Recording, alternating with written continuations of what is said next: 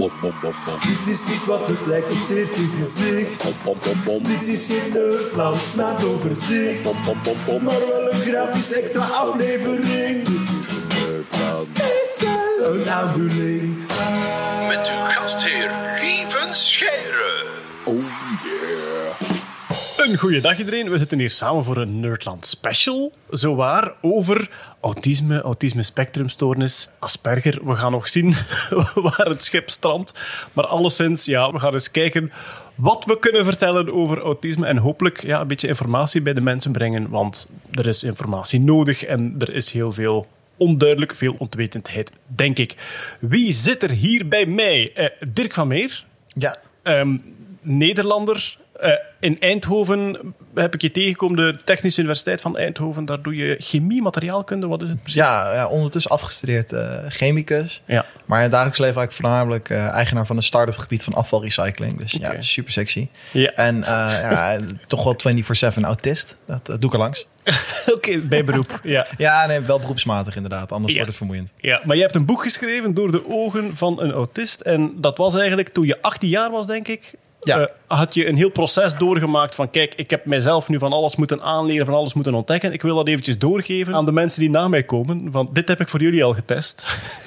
het is een soort informatieboek voor ehm 12-jarige, 10-jarige autisten. Of... Toen ik vijf was, eh, zat ik huilend onder een tafel eh, als er bezoek was. Of als de klok anders hing in huis. En eigenlijk ben ik vanuit dat moment doorgegroeid. Met heel veel vallen en af en toe wat opstaan. naar wie ik toen was. En ondertussen ook naar wie ik nu ben. En ik heb daar een paar hele nuttige tips geleerd. eh, die ik merkte dat ook andere mensen op het autistisch spectrum profijt van hadden. Waar ik andere kinderen mee kon helpen. En ook ouders uit kon leggen. Ik heb altijd een beetje het geluk gehad dat ik goed ben in praten. En het ook veel te veel oefen. Ehm, dus ik was in staat om het eigenlijk... Ja, het is meer een soort gesproken boek. Als je het leest, het is niet echt een schrijfstijl. Het is meer een spreekstijl in woorden. Eh, om dat neer te zetten op papier. Om zo aan de ene kant kinderen tot inderdaad 12, 13, 14, 15 eh, te helpen. Maar ook hun ouders. Dus het is een beetje een boek in twee delen. eh, met twee keer dezelfde inhoud. Maar net Ja. iets anders eh, vanuit een ander perspectief bekeken. Ja, oké. Ja, we gaan er straks zeker op doorgaan. Ik herinner me vooral, ja, ik heb met jou die podcast gedaan op de TU Eindhoven. En pas helemaal op het einde kwam jouw autisme ter sprake. En dan las ik in het boek dat je jezelf heel veel aangeleerd hebt en heel veel kopieert. En ja, maskers noem je het zelf. hè? En ik stond daarvan verbluft, omdat je zo vlot, omdat je zo vlot was in die podcast, dat ik er achteraf dacht van... Wacht, hoeveel hiervan is getraind? Hoeveel zit er van nature in? We gaan het er straks over hebben, want anders kom ik niet, niet toe aan de volgende kom aan toe. Ja, ongetwijfeld.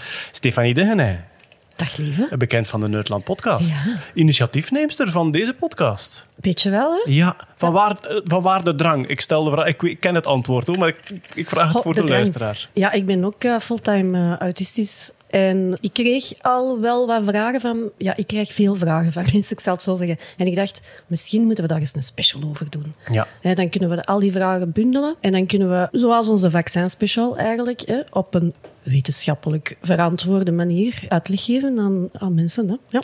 Oké, wat zou een mooie uitkomst zijn van deze podcast?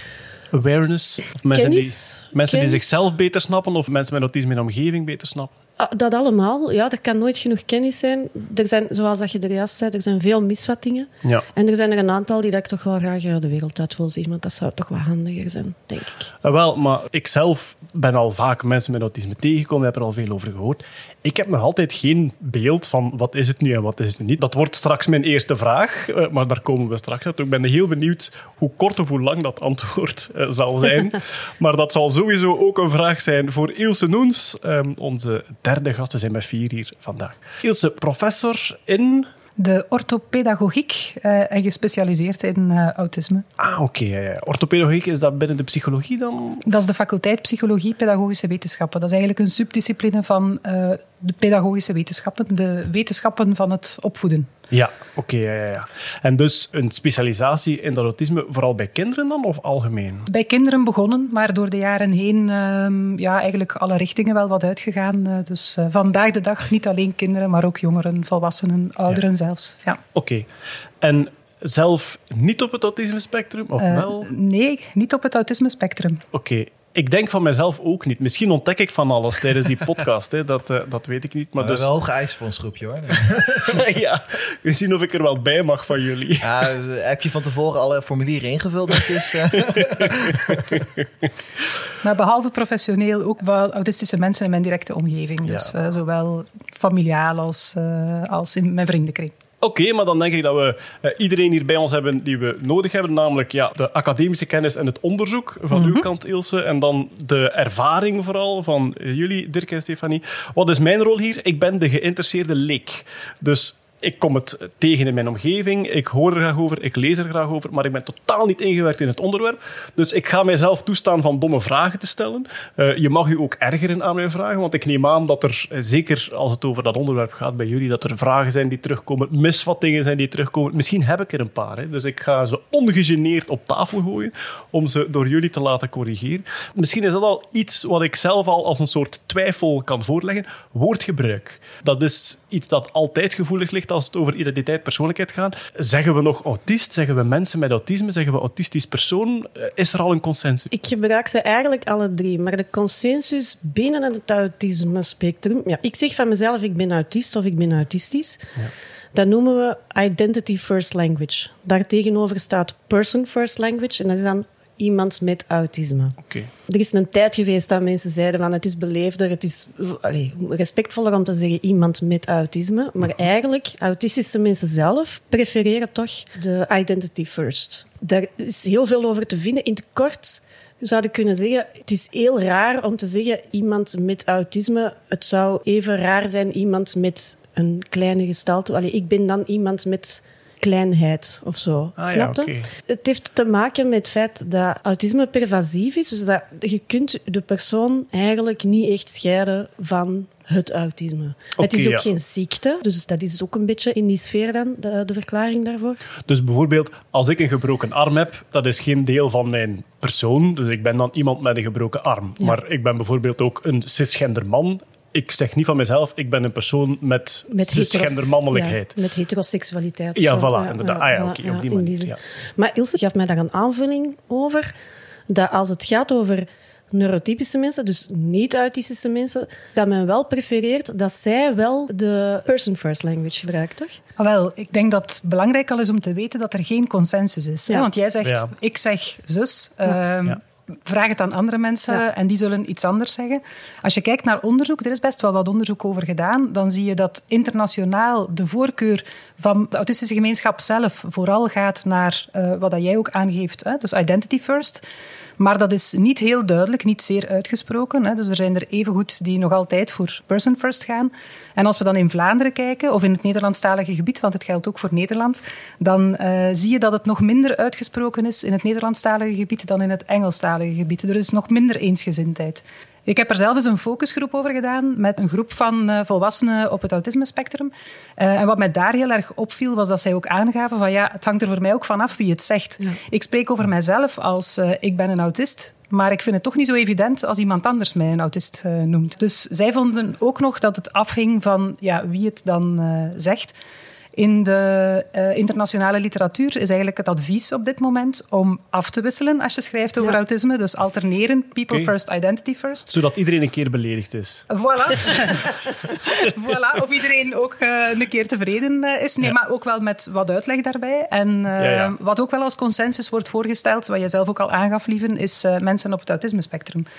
Op het Ah, ja. spectrum. Ehm, Ah, ja, Ehm, maar goed, de, de- er is duidelijk geen eensgezindheid. En eh, ik vind een belangrijke takeaway misschien ook wel van vraag het aan de persoon. Ah, Eh, hoe wil die aangesproken worden? Ja. Ja, want daar wil ik ook nog iets over zeggen. Ik ben zelden beledigd als men, ja, ofwel autist of persoon met autisme, weet ik wel. Het enige wat ik wel beledigend vind, is als neurotypische mensen die eigenlijk niks van autisme kennen, mij aanspreken als ik mezelf identificeer als autistisch of als autist, en dan tegen mij zeggen van, dat mocht je niet zeggen. Hè. Je moet zeggen, iemand met autisme. En dan denk ik, manneke... Ah, maar ja, nee. de moral high ground is zo Ja, maar- heerlijk om op te staan dansen. Ja, maar het, is ook vooral, het toont vooral aan dat ze daar eigenlijk niet veel over weten. Ja, ja, ja, Dus dan moet, je, dan moet je ook niet iemand anders terecht gaan Dirk, wat, wat, gebruikte jij? Eh, meestal Dirk. Eh,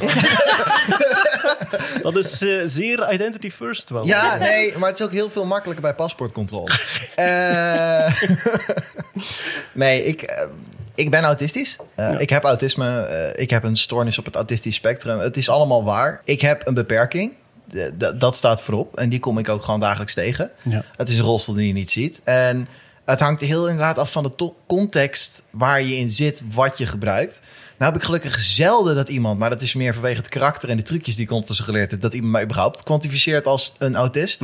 Laat staan me daarop aanspreekt. Tegenwoordig met COVID laat staan me aanspreekt. We zitten gewoon allemaal thuis. Maar ja, ik vind ze eigenlijk allemaal wel oké. Oké. Eh, maar ik heb dat ook wel geleerd. Ik weet wel, in het begin vond ik het heel lastig. Ik heb veel schrikbeelden gehad in het begin van autisme. Ik bedoel, je krijgt al die filmpjes thuis gestuurd naar je ouders van hoe uw kind later eventueel zou kunnen worden. Bereid je hierop voor. Oei. Alleen als je dat als kind ook ziet, dan denk je bij mezelf, nou, ik ben absoluut niet dat. Of ik wil het in ieder geval niet zijn. Ja, ja. Dus in het begin heb ik wel veel gestrukkeld met dat ik dacht bij mezelf van, eh, eh, ja, was het maar een ziekte? Of, of, of was het maar, ik heb autisme en niet, ik ben autisme? Was het maar zichtbaar? Of, eh, Ja, nou, was, het, was het maar iets waar je misschien weer van af kon of zo? Iets, iets waar ik helemaal niet geassocieerd mee wil worden. Maar naarmate ik het boekje schreef en in de afgelopen jaren, als ik zie hoeveel ontzettend veel mensen ik heb kunnen helpen, zowel op dit gebied, maar voornamelijk nog heel veel gewoon op andere gebieden. Eigenlijk ben ik gewoon trots. Het is gewoon onderdeel van mij. Ik ben Dirk en ik ben autistisch. Ja. Oké. Kijk, Mag ik ehm, nog een aanvulling doen, lieve? zeker.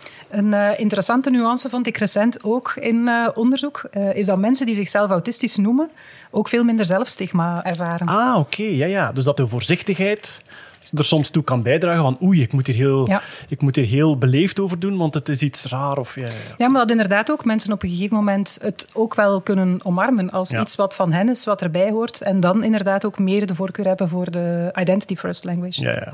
Wel, we zijn hier eigenlijk direct al een soort complexiteit ingedoken voor we het onderwerp zelf een beetje benoemd hebben. Maar dat is ook vooral voor mezelf. Ik zeg het, als ik dingen verkeerd zeg of anders, geen probleem, corrigeer mij gerust. En dat is misschien ook in het dagelijks leven zo. Hè. Eh, eh, informeer u bij mensen of sta open voor ja, aanwijzingen en correcties van hoe ze het liefst genoemd worden. Bon, ik had dus als eerste vraag, wat is autisme nu precies? Stefanie heeft een soort ehm, ja, Rainman-complex.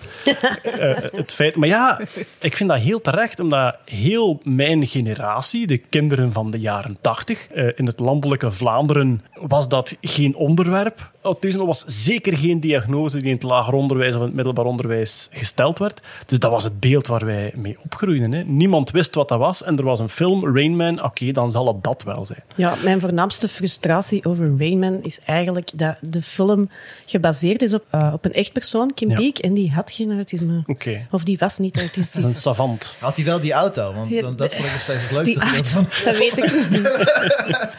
Nee, die had eh, FG-syndroom. Die is geboren met de grote hersenen. Die had geen hersenbrug tussen Ah, ja. zijn twee hersenhelften. Maar hij had wel bilaterale taalcentra. Dat is een zeer bijzonder, eh, hoe zeg je dat, zeldzaam Ja. eh, beeld. En die is denk ik wel in zijn kinderjaren gediagnosticeerd met autisme, want het is wel een savant, dat wel. Een savant dus iemand die het heel moeilijk heeft met heel veel alledaagse dingen, maar dan één specifiek of verschillende specifieke dingen fantastisch goed kan. Splintervaardigheden. savanten die ja. fantastisch piano spelen. Ja. Je hebt, in België heb je een quiz-savant. Er is in België, Is ja, er is in België iemand die door alle quizploegen immens gegeerd is, want die leest bijvoorbeeld een reisgids en die onthoudt de naam van elke fonteinmuseum enzovoort. maar die kan niet naar de supermarkt een boodschap. Ja. Het een heel verwarrende omgeving voor hem. Dus ja, savantisme. Ja. Ja, dus mijn voornaamste beef met, daarmee is... Die was helemaal niet autistisch. Is niet de juiste diagnose. Zwart. Maar Ilse, Ja. jij gaat een goede definitie kunnen geven. Valt daar een... Valt daar Definieer een, mij, ik ben benieuwd. De verwachtingen zijn hoog gespannen, ik voel het al. Ja, wat, wat ik me vooral afvraag is, ik ken zo bepaalde bladzijden uit de DSM, is zo de diagnosebijl van de Amerikaanse ehm, psychologische vereniging, denk ik. En die werken heel vaak met criteria. Kijk, als je aan vijf van deze acht voldoet, dan is dat bij autisme iets gelijkaardig of is het duidelijker? Ah wel, eh, dan kijk je naar autisme vanuit één specifieke hoek, eh, namelijk autisme als stoornis, zoals gedefinieerd in zo'n psychiatrisch handboek. Ja. Maar autisme is een heel gelaagd iets, is iets wat je vanuit heel veel verschillende hoeken kan bekijken. Dus je kan dat effectief zien als een psychiatrische diagnose, dan noemen we dat een autisme spectrumstoornis en dat wordt inderdaad gedefinieerd, omschreven aan de hand van criteria in de DSM-5. Maar je kan autisme ook zien als een vorm van neurodiversiteit. Je kan het ook zien als een sociaal construct. En afhankelijk van de invalshoek die je neemt, ga je het ook anders omschrijven. Wel, dus het woord neurotypisch is al een paar keer gevallen. Neurotypisch is dan, ja, net zoals cisgender het klassieke gender is, is neurotypisch dan de mensen met hun normale ontwikkeling, omgang enzovoort. En neurodiversiteit wil dan zeggen van ja, het, het is breder dan dat, daar zijn veel variaties op. Het gaat niet per se om omgang, het gaat eerder om eh, een kijk op de wereld, een, een bepaalde mind. Hè. Er staat niet voor niets neurodiversiteit. Dus dan bekijk je het eigenlijk meer als een, ja, een kijk op de wereld, een mind die doorsnee kan zijn, zoals de meerderheid van de mensen, of die anders kan zijn, die neurodivers dus kan Ja. zijn. En dan is autisme een vorm van neurodiversiteit, maar zijn er ook nog andere vormen van neurodiversiteit. Ja. En wat is dan typisch voor autisme als neurodiversiteit? Wel, ik denk dat we dan eerst even naar autisme moeten als stoornis, zoals omschreven in de, in de handboeken, hè, zoals je aan het begin ook eh, aangaf. Als we het zo bekijken, hè, dan wordt autisme eigenlijk gediagnosticeerd door een aantal verschillende criteria waaraan voldaan moet zijn. Maar de manier waarop je aan die criteria komt, dat kan wel op verschillende manieren zijn. Dus door verschillende combinaties van subcriteria, hè, om een beetje te verwijzen naar jouw, eh, jouw uitleg van daarnet. Een diagnose autisme spectrum stoornis volgens de handboeken, de psychiatrische handboeken, eh, dan moet er sprake zijn van twee domeinen, twee eh, domeinen van kenmerken. Enerzijds sociaal-communicatieve moeilijkheden, sociale interactiemoeilijkheden, anderzijds rigide repetitieve gedragingen en interesses. Dat eerste eh, criterium valt uiteen in drie subcriteria. Er moet sprake zijn van ehm, moeilijkheden in het heen en weer, in de wederkerigheid en de afstemming op elkaar. Dus dat je je afstemt op je gesprekspartner, dat je daar, daartoe verhoudt, u aanpast aan. Ja, dat dat mooi heen en weer eh, gaat. ja. Ehm, en je zal zien, dat kan er heel verschillend uitzien. Hè. Bijvoorbeeld bij sommige eh, kinderen of volwassenen zal je zien dat zij zelf niet zo heel actief deelnemen aan, aan een interactie. Dat ze daar zelf weinig initiatief toe nemen, maar dat ze bijvoorbeeld wel eh, heel erg eh, reageren op het initiatief van iemand anders. Terwijl nog andere mensen zullen zelf heel veel initiatief nemen, maar niet altijd goed aanvoelen wanneer het dan eh, aan iemand anders is, bijvoorbeeld. Ah, Wel, dat herken ik nu. Ja. Ik heb een paar ehm, kinderen met autisme tegengekomen nu, een tijdje terug. En dat waren er toevallig twee die heel veel vragen stelden. Mhm. Heel gerichte vragen, ook heel plotse vragen. Vroegen zich iets af, werd onmiddellijk bevraagd. En dan het antwoord werd opgenomen, dan kwam er direct een nieuwe vraag. Zo het, het ene na het andere. Ja, waar je soms aan voelt van... ehm, wanneer is de beurt aan wie? Zo, dat je Ja, zo voelt van, Ja. dat dat zo niet heel intuïtief eh, aangevoeld eh, wordt. Ja. Maar dat is dus dat eerste subcriterium Mhm. van dat eerste domein, hè, om het eh, nog wel gestructureerd uit te leggen. Het tweede subcriterium gaat over eh, non-verbale communicatie. Dus oogcontact, eh, lichaamstaal, wat soms wat moeilijker is. Ofwel om zelf te gebruiken, ofwel om goed aan te voelen, te begrijpen van anderen. Wordt vaak gezegd weinig oogcontact of kijken naar de mond? Of is dat een... ik, ga veel, ik ga veel clichés opnoemen vandaag die jullie dan mogen nuanceren. Dat veel mensen met autisme naar de mond kijken in plaats van naar de ogen. Cliché is eh, geen oogcontact of altijd naar de mond of ergens tussen eh, de twee eh, ogen. Eh, het gaat heel zelden zo zijn dat mensen geen oogcontact maken. Het is vaak ja, veel meer de, de, de afstemming op wat er gezegd wordt bijvoorbeeld. Ik zie Stefanie en Dirk heel hard krikken, dus misschien kunnen die even toelichten hoe dat, dat er voor hen uitziet. Nou, het, het is heel grappig, omdat in het begin had ik wel heel erg het cliché van geen oogcontact. Dat vond ik erg lastig. Ik bedoel, je krijgt heel veel informatie naar je toegezonden als je iemand recht in de ogen aankijkt. Maar nu geef ik ook pitchcursus en dan zit ik aan mensen uit te leggen die dus zelf moeite hebben met een grote zaal in de ogen aankijken. Zo van, ja, probeer contour te trekken. Je ziet precies hoe hoog iedereen zit.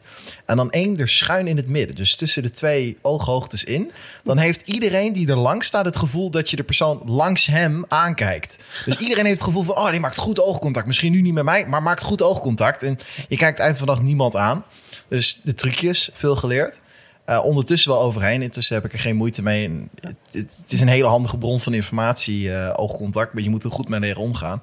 Maar voor mij was het cliché wel heel erg waar. Dat ik gewoon echt geen oogcontact maakte. Maar bij mij was het ook niet kijken naar de mond of zo. Want alles wat uitstraalde van mij, van ik heb interesse in wat jij zegt, sparkt misschien nog meer sociale interactie. Dat was nou net geen wat ik moeilijk vond. Dus bij mij was het meer gewoon totaal de andere kant op kijken of zo. Of gewoon uit de situatie weglopen in het begin. Omdat ik dacht van ja, kijk, als ik er niet ben en als ik ook vrij duidelijk maak in mijn lichaamshouding door bijvoorbeeld mijn lichaam niet in die ruimte te laten zijn, dat ik niet echt aan het gesprek mee wil doen, dan is het best een kans dat ze niet tegen me praten. Dus echt vermijdingsgedrag, omdat het Ja. te veel spanning gaf of Ik krijg het gewoon niet verwerkt. te veel indrukken. Ja. te veel tegelijkertijd en, en dan fatsoenlijke repliek. En mijn hoofd kan wel heel snel doorrekenen wat er allemaal misgaat. En hoe dit voor de rest van mijn leven eh, betekent dat ik binnen drie dagen op straat sta. En, en het nooit meer goed met me terechtkomen als ik nu dit en dit en dit doe. Doemdenken dan. Ja, het doemdenken gaat heel snel. Maar het fatsoenlijk daarop anticiperen en de goede kant op werken, dat ging in het begin heel traag. Ja, dan, dan kijk je jezelf eigenlijk een soort depressie in als je te lang in iemands ogen staart. En, nou, daar word je niet een heel vrolijk jongetje van. Dus je staat, daar, je staat daar dan echt in jouw geval. Hè? Want Ja. dat hebben we misschien ook vergeten te zeggen. Stefanie en Dirk, jullie hebben heel duidelijk aangegeven... wij spreken voor onszelf en niet voor het hele spectrum. Want de diversiteit is daar immens. Dus voor jouw geval, jij staat dan eigenlijk midden... of stond midden in een sociale interactie... die echt niet goed verliep... al heel hard na te denken over wat de vreselijke gevolgen waren... van het feit dat het niet goed verliep. Ja, het is een skill die ik ondertussen heb gebruikt. Dat doe ik nog steeds. Alleen ik gebruik het nu op zo'n manier dat ik ben in staat om tijdens een gesprek waarin ik onderhandel over dingen. Dus ik onderhandel wel eens over hele grote bedragen voor het bouwen van fabriek en zo vanuit mijn werk. Maar dan heb ik precies door van, oh, jij doet dit en dit en dit niet. Of jij zegt zo en zo. Dat betekent dat al deze negatieve scenario's zijn niet mogelijk. Maar als ik deze actie doe, dan kan ik die allemaal weghalen. Dus ik ben het autisme gaan gebruiken om ja, neurotypische mensen, eh, die kan ik nu goed bespelen de andere kant op. Omdat ik ken de trucjes en zij deden het natuurlijk. Ja, het talent is nooit zoveel waard als oefening. Dus Ja, ik ken, eh, ik ken een toponderhandelaar waarvan ik vrij zeker ben, natuurlijk, ik mag geen diagnose stellen, hè, waarvan ik vrij zeker ben dat hij ook op het spectrum zit en dat hij net hetzelfde doet. Dat hij gewoon zo goed onderhandelt, omdat hij alles bewust ziet wat de meeste mensen intuïtief zien. En is dat dan ook een beetje het natuurlijk aanvoelen dat dan bij sommige mensen, ja, intuïtief zeggen we, dat is dan aangeboren, zit vast in de hersenstructuren, dat dat dan er, er niet is? Ik begrijp nog altijd niet wat mensen bedoelen met intuïtie, want voor mij is intuïtie gewoon deductie.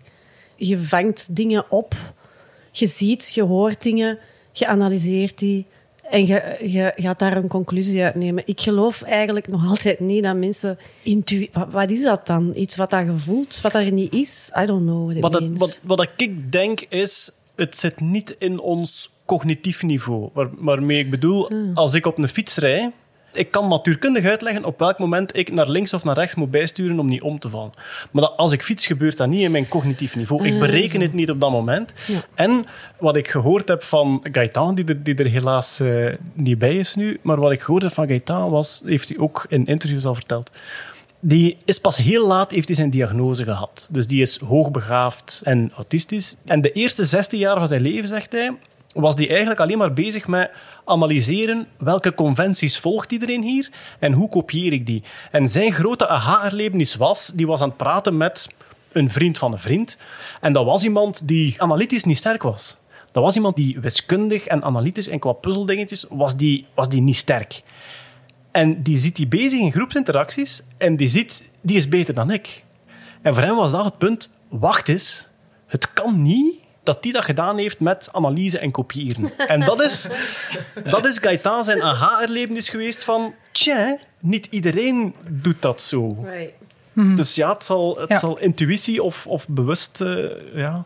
Ik wil nog even iets zeggen over dat oogcontact. Het hangt er een beetje vanaf ook bij wie. Want sommige mensen kunnen echt zo precies door u kijken. Sommige mensen hebben echt een star. Ah, oké, dus het soort oogcontact kan ook nog... Ja, bij mij wel. Maar wederom, hè, dat is zeer persoonlijk. Ja. Maar ja, ik heb daar nu ook wel trucjes voor. En ik, ik kan het ook beter. En ik denk ook wel omdat ik weet van waar dat, dat komt. Dat is niet meer zoiets van... What the fuck is wrong with me? Waarom kan ik dat niet? Ik weet waarvan dat komt. Ik weet waarom dat belangrijk is. Het hangt er bij mij ook vanaf tegenover wie dat ik zit. Niet alleen de manier waarop mensen kijken, maar ook van... Ja, gaat die persoon dat erg vinden of niet? Ik weet als ik dat hier doe, niemand gaat daar raar van opkijken. Ha, van opkijken. Ehm, maar het blijft nog altijd wel, zoals Dirk zegt, het is veel informatie tegelijk. En als ik mij echt moet concentreren op iets, dus ik moet echt, eh allez, zeg maar iets, een les volgen of zo, ja, dan ga ik best niet in die persoon zijn ogen kijken, want dan ga ik de helft van de informatie missen. En ik vind het een belangrijke om te onderstrepen, omdat ik weet dat eh, oogcontact voor neurotypische mensen bijzonder, bijzonder belangrijk is. Ja. Eh, het is echt vrij onbeleefd als je, die mensen in hun, als je mensen niet in hun ogen kijkt voor hen. En daar worden zelfs, ja, daar worden zelfs therapieën voor gedaan voor kinderen. En dan denk ik, ho, ho, ho.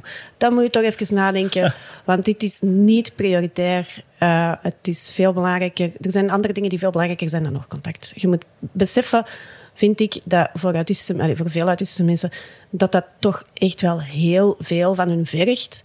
En als je dan toch dingen vraagt, hè, dingen in de weegschaal gooit, dan denk ik, goh, dat oogcontact, dat kan er misschien wel af. Versta het dan juist dat het feit dat er zoveel informatie cognitief binnenkomt, in plaats van eerst door een paar filters te gaan, dat die verwerking zo overweldigend is?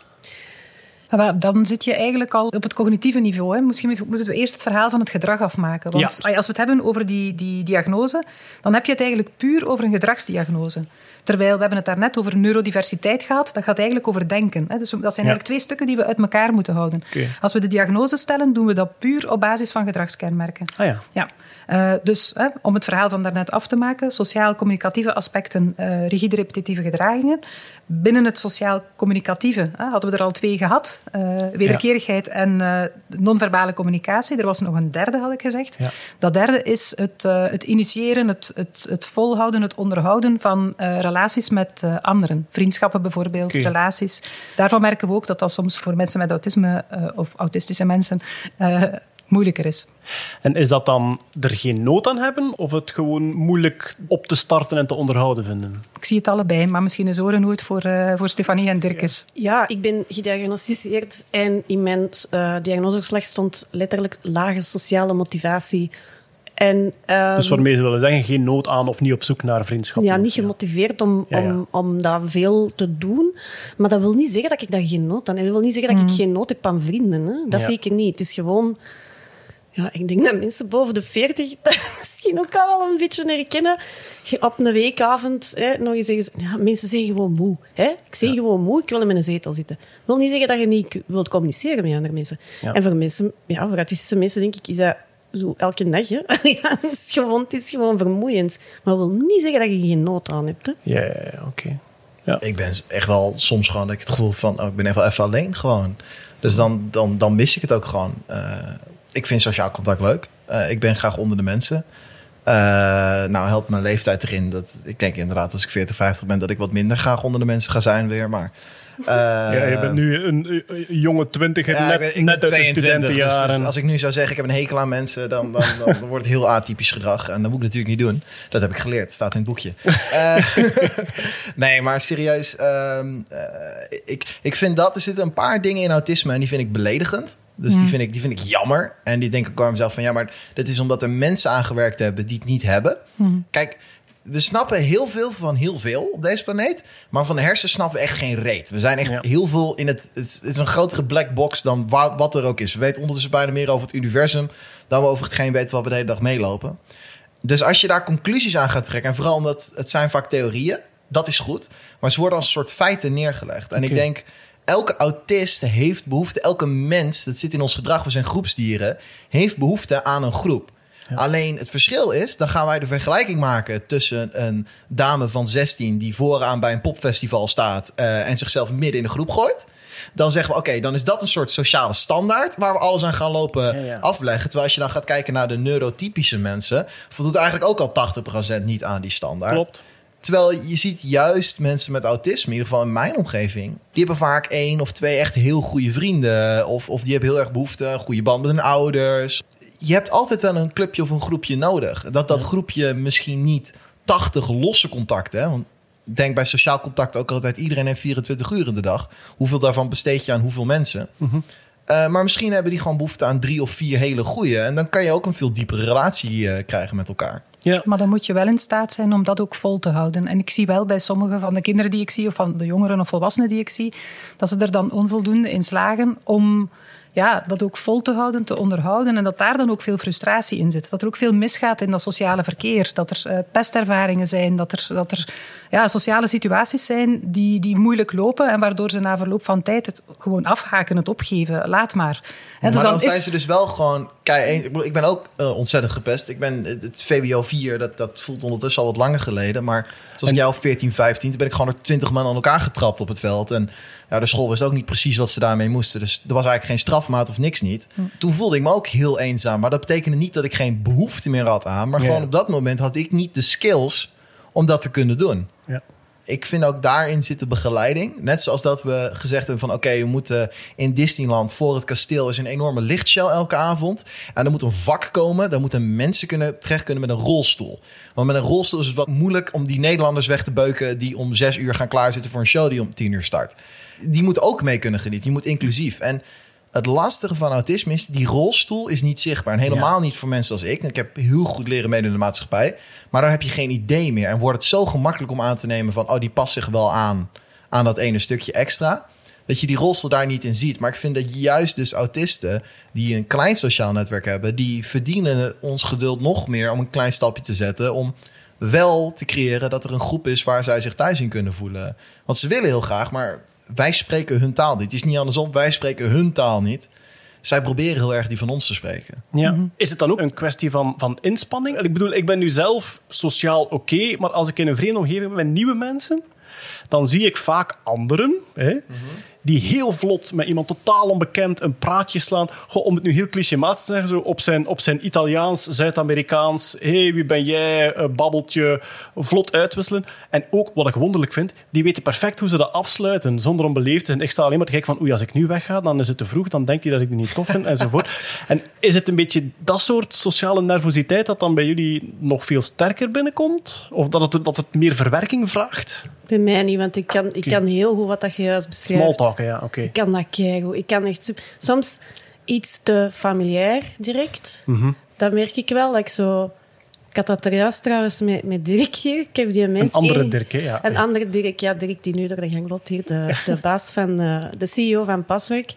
Ik heb die mens één keer gezien en ik hoor mij daar net in de gang vragen tegen hem. Zeg, ging jij nou niks doen met je vrouw vandaag? En ik dacht bij mijn eigen... Dat is er misschien een klein beetje nodig. Maar je spreekt alle twee Antwerps, dat helpt. Maar eigenlijk is dat dus, heb ik geleerd door de tijd, echt een super handige skill om te hebben. Omdat ik merk dus dat ik zo gegroeid ben in dat smalltalk gebeuren, dat iedereen het gevoel heeft dat ze me al jaren kennen. Ja, ja. Na een gesprek van twee minuten. En voor het weet word je uitgenodigd nadat je één podcastje hebt gedaan, waar je eigenlijk alleen maar praat over afval en dat soort dingen. Om helemaal naar Antwerpen te komen om daar een of ander ding te doen. Terwijl die echt duizend mensen kent die die ook had kunnen uitnodigen. Dus, dus eigenlijk is het een hele goede skill. Omdat wat je daarmee doet, is je gaat heel snel naar een beetje de binnenste sociale kring. Je nestelt je daar zelf in het donkere hoekje. En je bent zo van, yo, ik hoor nu gewoon bij de inner circle. En jij vindt mij helemaal oké, ik vind jou helemaal oké. Dit is het niveau waar wij nu op zitten. En dat geeft je heel veel credits eigenlijk. Maar om terug te komen op jouw vraag. Ja, voor mij is sociaal contact... Gewoon het feit dat ik hierheen reed. Alle stress van dat ik nog nooit in België in mijn eentje heb gereden. Ehm, hier naar binnen komen, een knopje en dat je niks terug hoort als je eh, door mag rijden bij de ding. En, en je komt iemand tegen beneden, et cetera. Het is gewoon een marathon lopen. Ik ben gewoon kapot aan het eind van elke dag. Ja. En dan slaap ik zes uur of zo. En dan begint het opnieuw. En dat doe ik. Het is een beetje roofbouw. En dan na een week of vier, vijf, zes ben ik gewoon echt even een dag helemaal uit. Dan moet ik gewoon een dag echt bijslapen. Ben ik gewoon ziek van het sociaal. En dan, en dan weer door. Maar dat, dat vind ik zo frappant ook aan jou. Ik denk mensen die nu zitten luisteren, mensen die jou tegenkomen, die zien die zien een hele vlotte, zelfzekere Nederlander. En dan lees ik jouw boek en dan zie ik van, oké, die heeft gewoon heel veel vlotte, zelfzekere Nederlanders gezien in zijn leven. En die weet, die weet perfect hoe je dat ja, kopieert, denk ik. Maar wat ik ook las in het boek, en daar zat ik van, daar, daar zat ik van te kijken, dat jij voor momenten zoals dit een soort voorbereiding nodig hebt, dat je eventjes je rust moet vinden om dan die marathon te lopen. En dat jij waarschijnlijk ook, als je straks klaar bent hier, dat je echt recuperatie nodig hebt. Ja, en de humor is in het begin was het echt uren, dagen. En, en nu is het gewoon split seconds. Oké. Dus, dus ik heb hiervoor eh, alleen maar meetings gehad in de auto. Dat ik gewoon zat te bellen. Ehm, maar ik ben er ook wel benieuwd. Dat is ook wel een vraag aan jou, Stephanie. Ehm, mijn hersens werken heel zwart-wit. Dat, dat is eigenlijk als ik, als ik de vraag krijg: wat is nou autisme? Dan zeg ik nou: ik heb geen grijs gebied. Mij is alles zwart-wit. Alleen ik heb in het begin was dus twee of drie keuzes, zwart-wit. En dan kom je autistisch over. Dan, is het, dan neem je dingen te letterlijk, of, of je bent sociaal aangepast, dingen gaan moeilijk. Maar omdat ik, ik heb het talent meegekregen en daar ben ik heel erg dankbaar voor, eh, om te kunnen praten, om te zeggen waar ik mee zit, om iets te formuleren. En daardoor heb ik heel goed dingen kunnen leren, kopiëren, kunnen uitzoeken wat is nou die gedachtegang, waarom doe je nou zo, waarom gaan jouw wenkbrauw iets verder naar beneden als zo. En daardoor heb ik zoveel zwart-wit beslissingen achter elkaar gezet, dat het een grijs gebied lijkt. Het is gepixeld. Zwart en witte Het is pixels. zwart en wit gepixeld. Ah. Dus daardoor, je- de sociale camera van een gemiddelde mens is zo slecht qua kwaliteit, dat het lijkt alsof ik een gigantisch grijs gebied heb. maar als je een beetje 4K eh, camera eh, naar mij zit, dan zie je bij jezelf, zo man, dat zijn gewoon echt allemaal trucjes. eh. er zit echt niks spontaans meer aan. Maar ik weet precies, dan moet je een grap maken, dan moet je iemand even aankijken, een keer een aanraking. je moet dan en dan even een kaartje sturen, et cetera. Maar ik merk het bijvoorbeeld in relaties heel erg. Als het echt heel dichtbij komt, ik zeg altijd: ik ben heel goed in het voeren van een oorlog, maar close combat verlies ik altijd. Oké. En, en dat is gewoon zodra het heel diep komt. En, en ik heb relaties gehad van twee jaar, maar zodra je gewoon voorbij dat punt komt, dan kom je op dat stuk dat je die zwart-wit zee voorbij bent. En er is zo'n heel groot no man's land. En dan ben je zo'n, kut, wat nu? en dan ga je maar gewoon kijken, wat uit die grote rugzak kan ik hier overheen plakken of zo? Wat er enigszins op blijkt. Of welke stukjes. Ik ben heel goed in crisismanagement, want ik kan alle situaties die ik ooit in mijn leven heb meegemaakt... kijken, wat lijkt hierop en wat kan ik daaruit meenemen? Dat is het voordeel van dat autisme. Het nadeel is alleen, ik heb natuurlijk heel veel technische crisissen meegemaakt. Heel veel mensencrisissen, heel veel managementcrisissen. Maar heel weinig relatiecrisissen. Want als je het een beetje goed doet in relatieland, dan heb je er geen 40 in het leven. Ik ben 22, dus ik heb er nu drie gehad of zo. En dat is dan de totale hoeveelheid en ervaring die ik meeneem, los van romcoms en dat soort dingen. Dat is genoeg voor de eerste twee jaar. Maar daarna blijkt dat je een level of depth hebt. en je gewoon mee van ja, weet ik veel, ik doe ook maar wat. Ja. Oké. Maar ik ben heel benieuwd, hoe werkt dat voor jou? Hoe, hoe zou jij dat wat is autisme uitleggen? Voor mij is autisme een informatieverwerkingsstoornis. En dan bedoel ik met informatie heel breed, dus ook sensorische informatie. Ik heb net zoals Dirk een hoog verbaal IQ, wat een godsgeschenk is. Want inderdaad, door taal kan je ook al veel nuances eh, leren tussen, die, tussen dat zwart en dat wit. Het is een ontwikkelingsstoornis. Ja, ik ben nu 42, eh, sociaal vrij, vrij aangepast, denk ik. Ehm, relaties zijn inderdaad nog altijd moeilijk. Ik heb me er eigenlijk bij neergelegd dat ik, dat ik single ga blijven. En ik denk dat dat voor mij beter is. Als kind had ik een heel ander beeld. Ik, bedoel, ik ben voor de eerste keer naar een psychiater gestuurd toen ik vier was, denk ik. Ja, er was duidelijk iets mis. Ja, ik, ik was inderdaad niet sociaal. Ik... ik eh, had geen, ik, ik, ik, ik ging niet graag naar de kleuterschool. Ik had daar ook niet echt vriendinnetjes of vriendjes. Eh, ik heb eh, heel veel meltdowns gehad eh, vroeger, waar dat ze niet van wisten dat het meltdowns waren. Dus dan was het dan woedeaanvallen of zo. Lastig kind werd ik genoemd. Ehm, ja, ik heb, ik heb mijn diagnose pas gekregen op mijn 36, maar ik denk dat ik in totaal, ja, ik zal toch wel een stuk of twintig therapeuten hebben gezien, denk ik. Door jullie zo bezig te horen, wat hier al een tijdje staat is... Het heeft heel veel gevraagd van jullie, analytisch. Ja, om te analyseren hoe dat alles rond jullie gebeurt, dat je niet intuïtief meekrijgt. Hoe dat je dat kopieert. En ja, hoe gaat dat, Ilse, voor mensen die dat analytisch vermogen niet hebben? En we komen op dat spectrum, het feit van ja, je hebt inderdaad ook mensen met lager IQ of zelfs met een beperking, die moeten daar ook mee dealen. Ja, voilà. Hè. Eh, ik denk dat analytisch vermogen, wat, dat, wat dat Stefanie en Dirk heel duidelijk eh, hebben, ja, dat hebben heel wat mensen met autisme niet of veel minder. En dan is het natuurlijk evident dat de, de vaardigheden om te camoufleren, hè, want wat dat Dirk beschrijft, dat is de perfecte voorbeelden van camoufleren. Eh, de vaardigheden om te camoufleren, de, de vaardigheden om te compenseren, ja, die zijn natuurlijk veel, veel minder als je, als je niet dat analytische vermogen hebt op dat hoge niveau, zoals Stefanie en Dirk dat eh, hebben. En dan is de impact eh, van, van autisme natuurlijk bijzonder groot. En kan het ook echt wel heel erg beperkend zijn in het dagelijkse leven. Ik, bedoel, ik hoor Dirk zeggen dat hij zich nog altijd eh, beperkt voelt. Maar dan kan je je wel voorstellen dat als je niet die analytische skills hebt, dat je toch ook nog heel wat andere uitdagingen in het leven tegenkomt.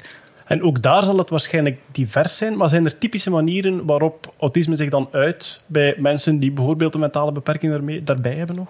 Goh, ook bij mensen met, eh, met daarbij een, eh, een verstandelijke beperking kan dat er heel verschillend uitzien. Hè. Bij sommigen eh, zal, je, zal je nauwelijks contact kunnen maken. Dat is echt het, bijna het prototype van iemand die in, een, in een hoekje zit, bij wijze van spreken, en die, die nauwelijks in staat is tot, tot enige interactie. Ja. Ehm, met, met de handen voor de ogen eh, wappert.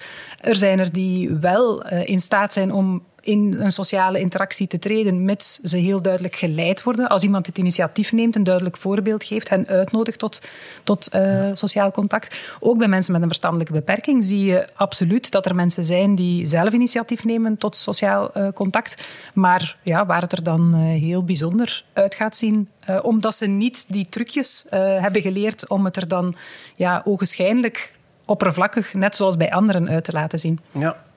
We zitten ongeveer halfweg de vraag, wat is autisme? Dus we hadden het... Wat is autisme volgens de psychiatrische handboeken? Ah, Want we hebben eh, hier Ja, al ja. heel veel andere benaderingen eh, de revue horen passeren. Hè? Ja, ja. Ja. Dus we hebben dat, dat eh, sociale met dan die drie criteria. Ja. Ik ga eens kijken of, dat ik ze nog weet. De, de wederkerigheid, dus het feit dat het terugkomt. Het reageren op signalen.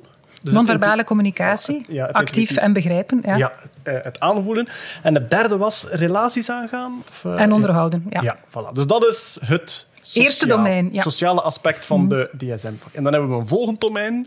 Tweede domein van DSM is wat ik daarnet eh omschreef als rigide repetitieve gedragingen en interesses. Mondvol en klinkt ook behoorlijk normatief. Daar zitten vier mogelijke uitingsvormen onder, waarvan er twee aanwezig moeten zijn om die diagnose te mogen stellen. Ik zal ze alle vier eh, kort even de revue laten passeren. De eerste is eh, dat er sprake kan zijn van motorische repetitieve bewegingen of eh, herhaald gebruik van voorwerpen of repetitieve spraak. Dat kan dan gaan van bijvoorbeeld inderdaad wat Stefanie nu zit te doen, wiegen, fladderen. Ah ja, heen en Ehm, weer wiegen met, ja. de, met de handen. Ik heb denk ik ooit iemand, iemand tegengekomen ergens die ehm, met een touwtje met een wasknijper aan rondjes zat te draaien. En dat Ja. was zo zijn, zijn focus dan. Ja, dat was eigenlijk dat, ja. Mhm, nou, Dat is inderdaad een, een, een, wat dan genoemd wordt stereotyp gebruik van een voorwerp. Maar dat kan evengoed zijn echolalie, eh, het eh, papegaaien van eh, andere mensen, het letterlijk, eh, letterlijk papegaaien. Dus dat Ja. valt daar eigenlijk ook eh, onder. Eh, wordt heel vaak geassocieerd met eh, autisme bij eh, lagere begaafdheid, bij mensen met een verstandelijke beperking. Maar is absoluut niet het geval. Hè. Ik zie eh, terecht Ja, Stefanie heel erg verongelijkt kijken. Ja, maar veel mensen denken... Ja, voilà, maar geef maar... welke vertel manier maar hoe het bij jou dat, is. ja? ja. Ik noem het, het, het repetitieve. Ehm, de, de repetitieve bewegingen, dat is voor mij stimming. Mhm. De mensen die mij kennen in de podcast zeker gezien hebben, ik zit al eens te wegen. Ik heb ook eh, stimming eh, gadgets, hè, zo fidget cubes en, en oh, magnetische pareltjes. Heel leuk. Ah, Damn ja, it, ik had ze moeten meepakken, want Ja. nu heb ik er echt behoefte aan.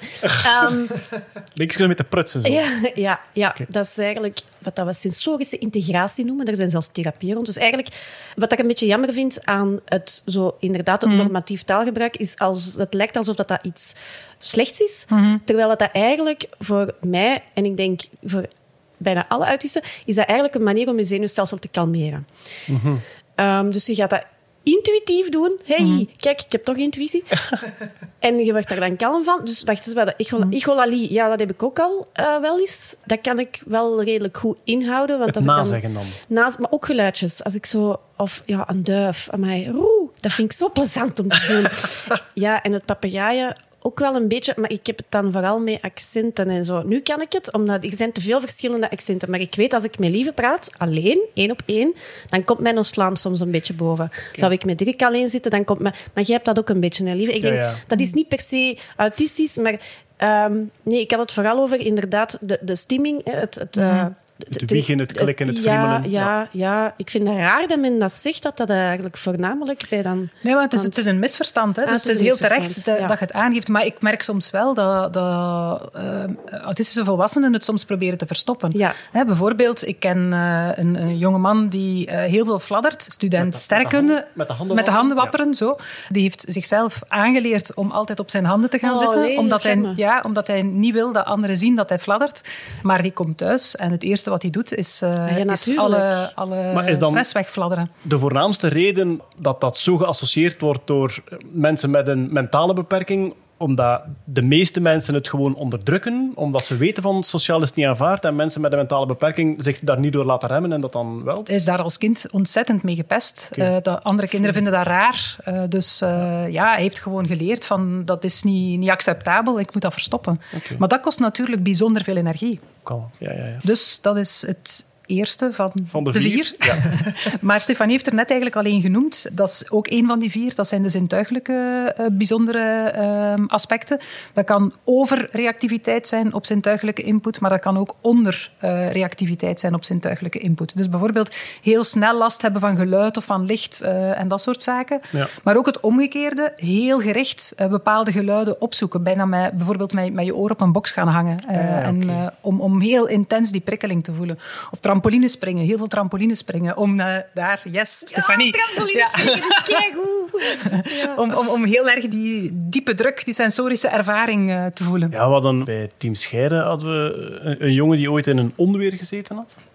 En die dat zodanig, ja, dan blijkbaar aangenaam en overweldigend vond, dat hij nu constant praat over onweer en er eigenlijk naar op zoek gaat. Hij heeft niks liever dan donder en bliksem. Dat is dan misschien het opzoeken van een heel bepaalde... Ja, opzoeken van bepaalde zintuiglijke ervaringen eh, die, die aangenaam ervaren worden of die, die rustgevend eh, ervaren eh, worden. Ja. Ja.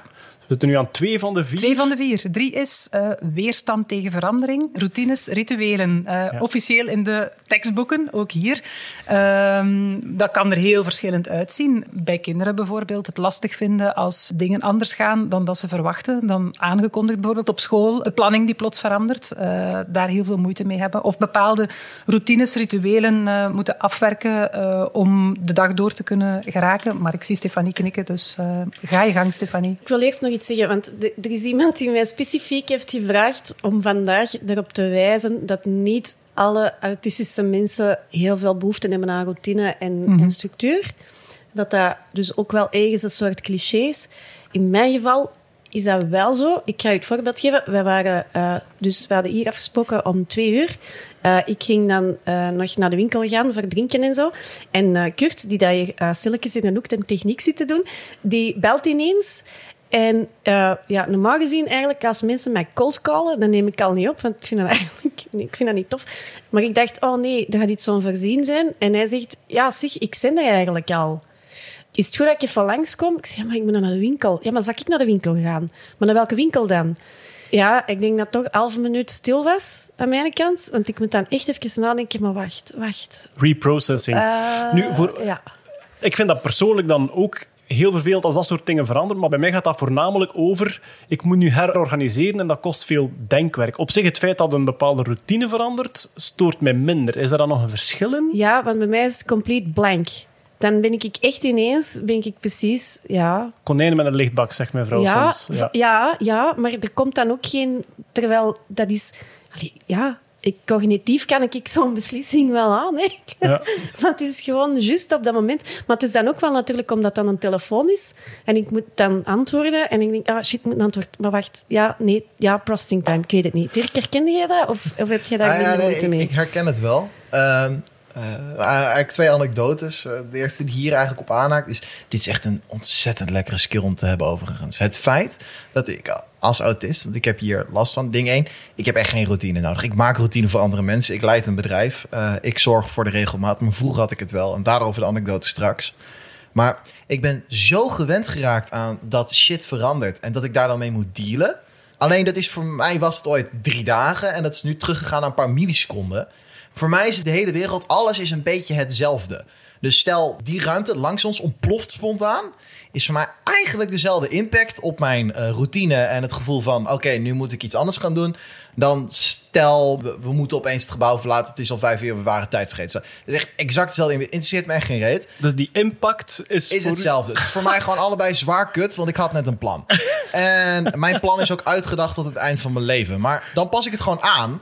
Maar dat maakt je geweldige crisismanager. Want als er een crisis is en niemand weet wat hij moet doen... Ja, dat is voor mij echt hetzelfde alsof ik gebeld word... of dat iemand anders voor mij naar de supermarkt gaat. Dus ik ben ook in diezelfde drie milliseconden... heb ik van, oh, dan doen we dit, dit, dit, dit, dit, dit, dit... en we gaan door. Voor jou het feit dat er iets klein verandert in de routine... of het gebouw naast ons stort in dat zit een beetje op hetzelfde level dan. Ja, het, het, ding is, ik heb behoefte aan routine. Kijk, vroeger toen ik klein was, ik ben net zo autistisch als ik toen was, alleen ik heb er heel goed mee leren omgaan. En eh, ik wil even één lans breken voor echt alle ouders die luisteren met autistische kinderen. Echt duizend keer dankjewel voor alle geduld. We hebben het nodig. Het komt een keer goed. En we houden echt heel veel van je, maar we kunnen het gewoon niet zeggen. En knuffelen is gewoon lastig, maar vraag een keer waarom we opruimen... en dan weet je ook weer waarvan je houden. Maar mijn moeder had gewoon, we hadden gewoon een heel mooi whiteboard. Mijn broer heeft PDD-NOS, mijn broertje heeft Asperger, mijn vader heeft ook Asperger. Dus je kan je voorstellen, ons man had echt een tophuishouden. En eh, een echt super fijne tijd gehad. Die hadden gewoon een bord, er stond gewoon de planning van de dag op. Maar dan gebeurde er iets. En het boeit even niet wat, maar er gebeurt iets. Dan hadden wij een soort regel in huis. Dirk, dit was de oorspronkelijke planning. Dit is er gebeurd. En daarom gaan we dit doen. Voor alle ouders die dit nog niet doen, alsjeblieft namens uw kind, bouw dit in. Want wat voor jou rete logisch is, dat je inderdaad gewoon naar een nieuwe situatie gaat, voor ons niet. En dat ene zinnetje Ja. verandert totale chaos in, ah ja, dat is logisch. Maar dat intuïtieve is er niet. Die zwart-ritwegels, ik zat keihard eh, met, eh, ja, het voordeel van hoogbegaafd. Ik ga 400, 500 keer zo snel een bepaalde kant op, maar ik ga wel echt een bepaalde kant op. Ja. Dus je moet even die trein remmen, spoor verwisselen en ga maar weer 400 km per uur die kant op. Ik ga dat nu letterlijk onthouden. Dus er is een verandering. Je zegt, oké, dit gingen we doen. Maar omdat dit gebeurd is, is dit het nieuwe plan. Vind ik een hele goeie om in mijn hoofd te stoppen. Nou ja, en dat zit nu in mijn hoofd. Dit doe ik zelf. Als, als, stel dat het gebouw ontploft, dan gaat in mijn hoofd. Dirk, het plan was... we gaan rustig een podcast opnemen. De ruimte langs ons is ondertussen een andere geografische locatie gaan opzoeken. Mensen reageren daarop.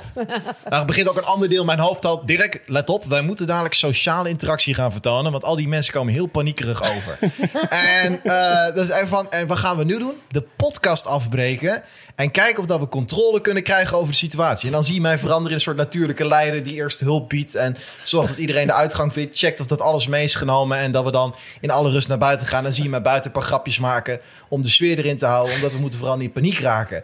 Maar eh, dat is in mijn hoofd gewoon iets wat heel zwart-wit wordt uitgedacht. Op hetzelfde whiteboard nog eigenlijk. Als wat mijn moeder ooit in de keuken opgehangen had. Oké. Ja, wel, maar dat herken ik ook wel, want ik ben zelfs ambulancier geweest. En je zou dan denken van, allee, dat is nu toch het meest onvoorspelbaar beroep dat je kunt hebben. Maar binnen die onvoorspelbaarheid is er een voorspelbaarheid, snap je? Dat is, ja, de telefoon gaat. Ja, je moet nu de auto, eh, de, de ambulance in. Je weet niet wat dat je vindt. Ja, mensen zijn zeer slecht in eh, de ziekenwagen eh, zeggen wat dat er is. Maar als het een crisis is, inderdaad, dan denk ik dat ik daar wel goed in ben of zo. Allee, ja, Dirk heeft het beter uitgelegd. Maar ja, maar ik, ik, ik denk dat ik het wel vat, omdat in crisis moet iedereen on edge zijn en omgaan met impulsen die ze niet intuïtief gewoon zijn. Ja, en dat is iets waar jullie heel getraind in Ah, zijn. We zijn altijd on edge. Voilà, misschien is, wij zijn daar gewoon beter in, omdat wij dat constant hebben. Dit is een crisis voor ons. Wij zitten nu in crisis. Ja. maar nee, maar inderdaad, ja, dan moet je zo'n... Ja, als het eerste inderdaad iets instort, dan gaan we het niet aan de neurotypische mensen overlaten. Het direct. Nee, maar hoe dan ook niet, want die hebben het gebouwd. Dus het was al hun schuld. Die beginnen dan te wenen en zo.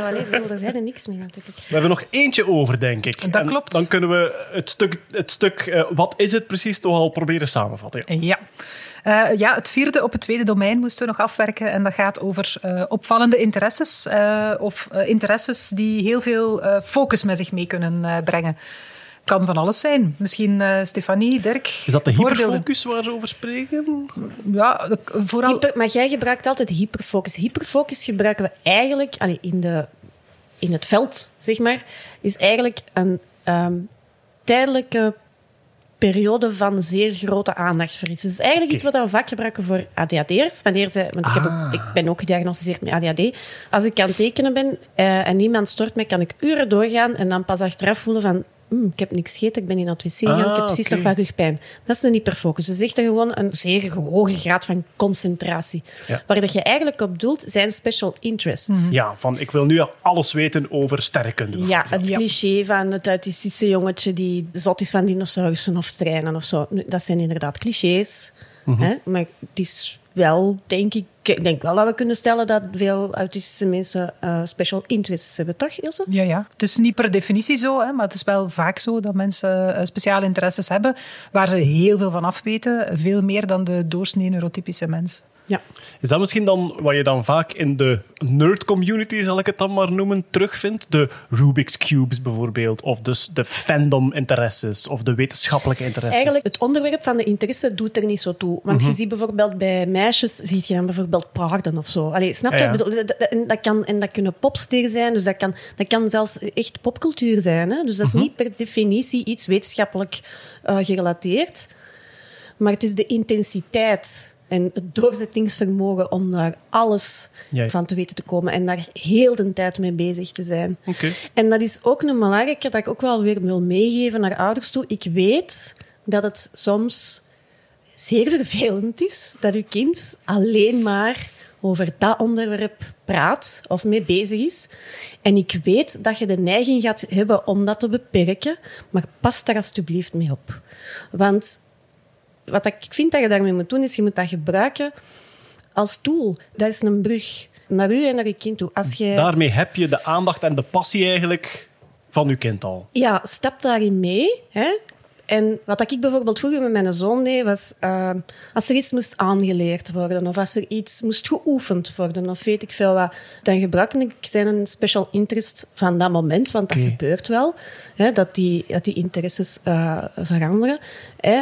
Um, ja, je hebt zo de klassieke dingen die, dat, die dat mensen gebruiken, zo puntenblaren of zo. Ik weet niet wat dat mensen tegenwoordig allemaal gebruiken. Nee, maar zo, je, hebt- je hebt wel zo van die pedagogische tools die De je beloningssystemen. ja. Beloningssystemen. Ja. Als je zoveel visjes verzameld hebt van klevertjes, dan krijg je dat. Ja, zeker dan zo pictogrammen, dat wordt ook vaak gebruikt, zeker bij, bij, bij jonge autistische kindjes. Hè. Gebruik dat, hè. gebruik die special interests. En ga daarin mee en probeer dat alsjeblieft niet te beperken. Allee, ja, ik weet niet, misschien ben ik daar te... Wat, neem nu hypothetisch. eh, Stel nu, uw special interest is Lego. Bedoel je dan, dat kun je echt gebruiken als... Lego is een heel een dankbare natuurlijk. Hè? Want er zijn ook mensen, eh, er zijn ook kinderen die bezeten zijn van lantaarnpalen. Dat is al een moeilijker. Hè? Ja, om daarmee... eh, ja, oké. Om daarmee aan de slag te gaan. En wat zou je kunnen doen met. Lego bijvoorbeeld? Als tool. Geef een probleem van een kind, van iets wat dat je moet eh, Aankleden 's morgens. aankleden 's morgens. Alright.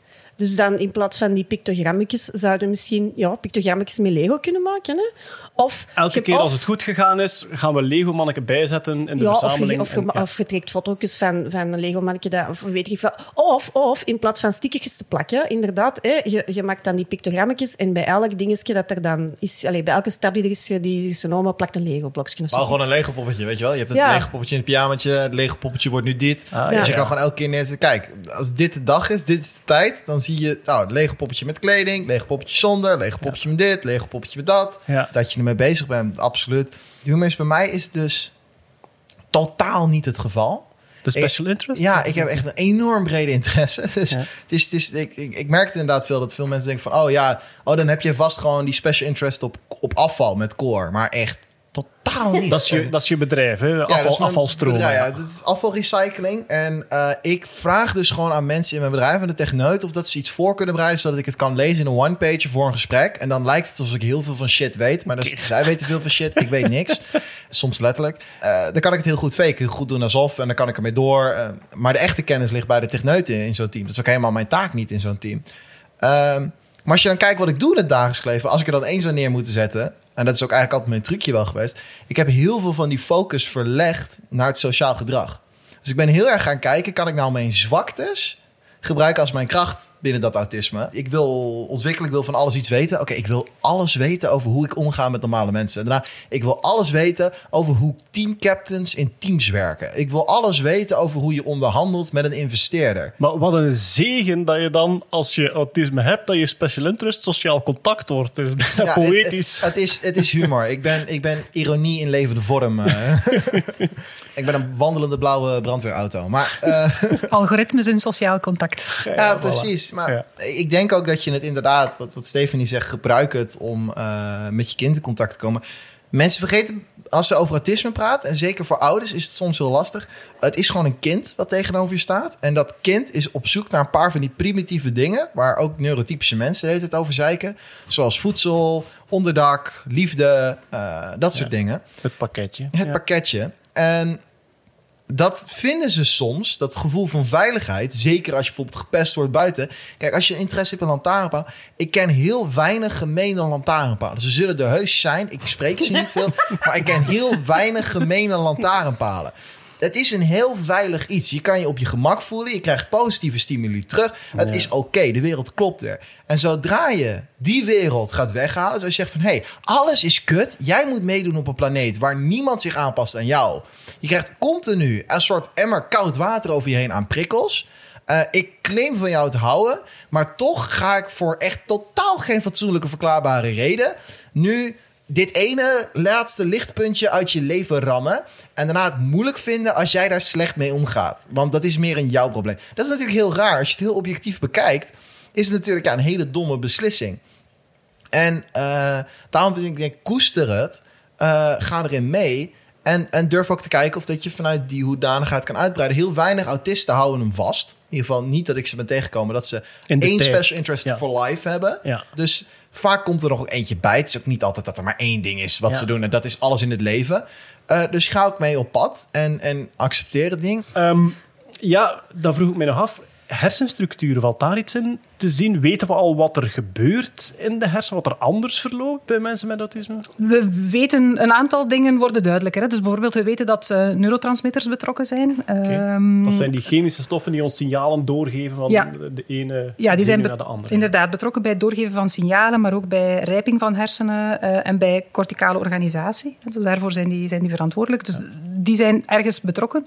Ehm, structureel en morfologisch, wat weten we daar? Eh, er is een atypisch groeipatroon in de zin van eh, in het, eh, vroeg in de ontwikkeling ehm, eerder ja, beperkte groei, maar dan al heel snel overmatige groei. Vroeg in de ontwikkeling. Hè? Groot hoofd. En dan terug afremmend. Dus een atypisch groeipatroon van de hersenen. Ja. En ja, zowel hyper- als hypoconnectiviteit. Heel vele verbindingen of heel weinig dan? Of Ah, wel, minder? de combinatie van de twee en het meest systematisch eh, hypoconnectiviteit over lange afstanden eh, en hyperconnectiviteit op korte eh, afstanden.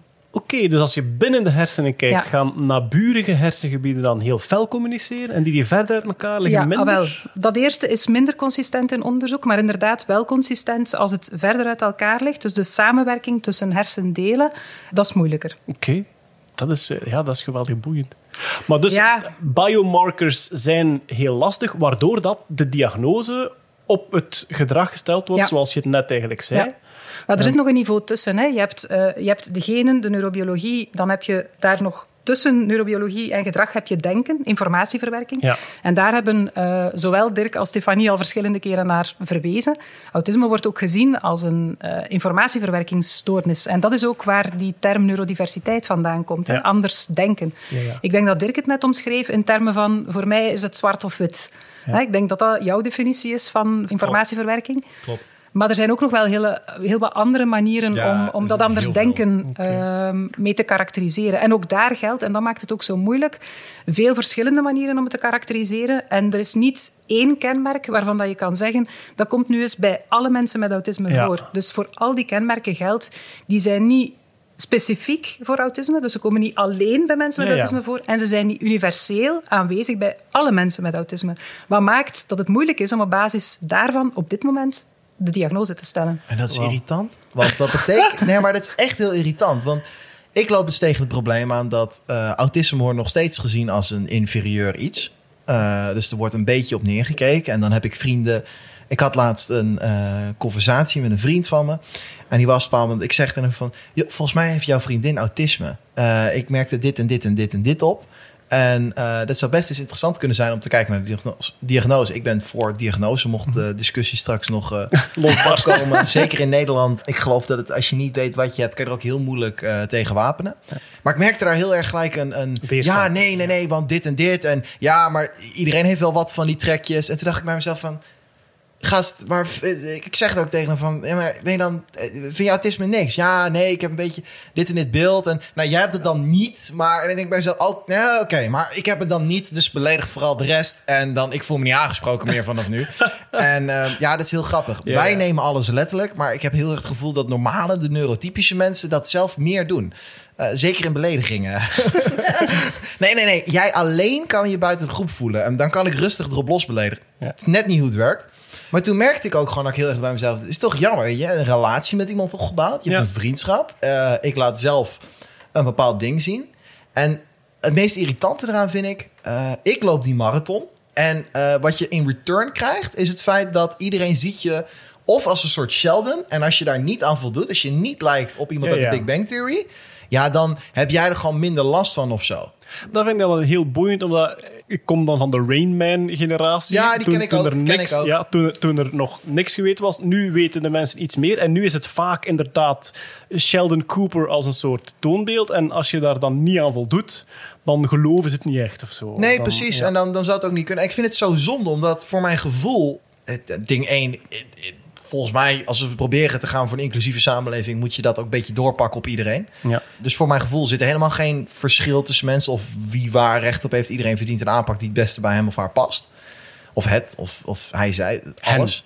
Hen, eh, hun, zoals we in Brabant zeggen. maar het is jammer dat er zo op neergekeken wordt. En ik vind het lastig. Ik vind het ook lastig om onder de aandacht te brengen. Omdat aan de ene kant wil ik niet de volle schijnwerpers op mezelf. Omdat ik moet al vechten om eh, eh, te blijven zwemmen. Maar ik heb het gezien in mijn omgeving ook. eh, ouders die een immense weerstand hadden tegen de diagnose of tegen het vermoeden. Hè. Ehm, Is je en- kind ja. niet meer jouw kind als het autistisch is? Nee toch? Je Ja. wilt je kind toch helpen als het, zijn, als het zijn knie stoot. Dan wil je er een kusje op geven en een pleister. Ja. Je weet in gedachten, stel mijn kind flikkert van een flatgebouw af. Dat kusje gaat niet heel veel doen. Maar betekent dat dat je dan je kind niet meer gaat helpen omdat je denkt, ja, ik kan dit niet repareren. Dan, dus dan ga ik negeren dat het van een flatgebouw. Nee. Waarom als je dan weet van oké, mijn kind heeft misschien autisme en misschien kan ik hem daar niet van genezen, misschien gaat het kusje niet helpen.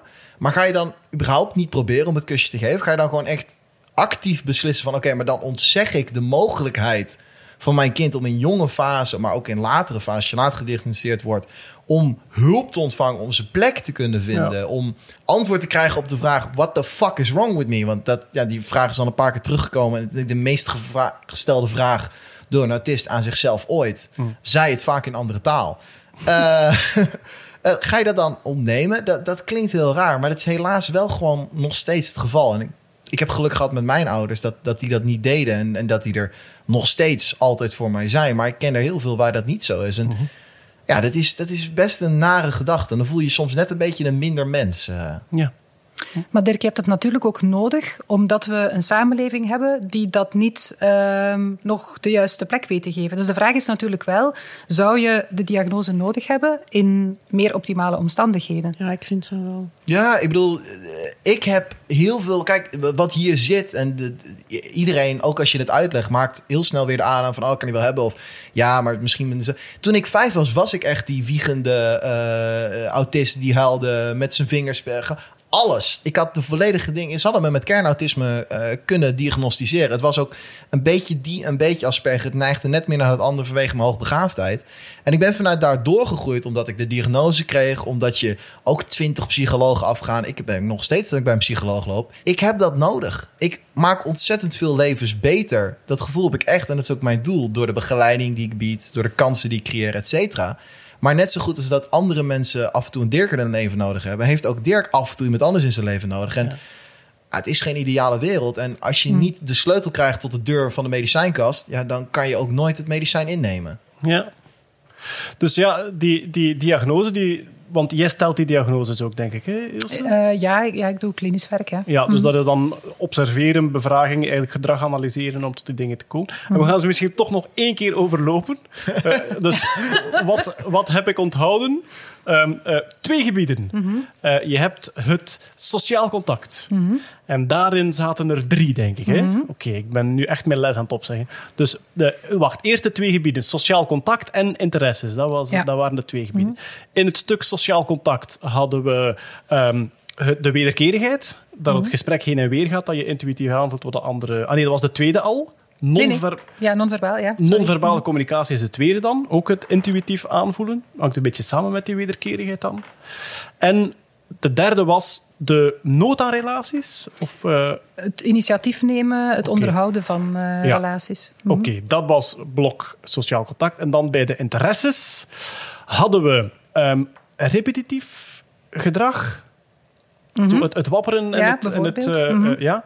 Was het tweede verschillende zintuigen? Hypo- en hyperreactiviteit op zintuigelijke Ja, ja, dus- informatie. Ja. Ja, voilà, oké. En dan de laatste twee ga je mij al moeten helpen. Weerstand tegen verandering, routines, rituelen. En de en- laatste waren de interesses. Ja, voilà. En daar had ik iets heel boeiend gehoord. Het feit dat eh Stefanie en Dirk, het feit dat jullie zeiden, duw dat niet weg als ouder. Ik, Mhm. ik denk dat ik de reactie ergens kan herkennen. Als ouder denk je, we willen die zo, zich zo normaal mogelijk laten gedragen. Dus die Mhm. heel specifieke interesse, we gaan dat een beetje afremmen, dat die niet tegen iedereen weer over dinosaurussen begint. Maar Stefanie en Dirk, jullie zeggen juist niks daarvan. Dat is veiligheid, dat is een, een soort rustgevoel. Ja, Eh, het een sluit het ander niet uit natuurlijk. Hè. Je, kunt, je kunt wel je kind, allee, en liefst zelf niet, ik weet niet of dat je dat zelf moet doen.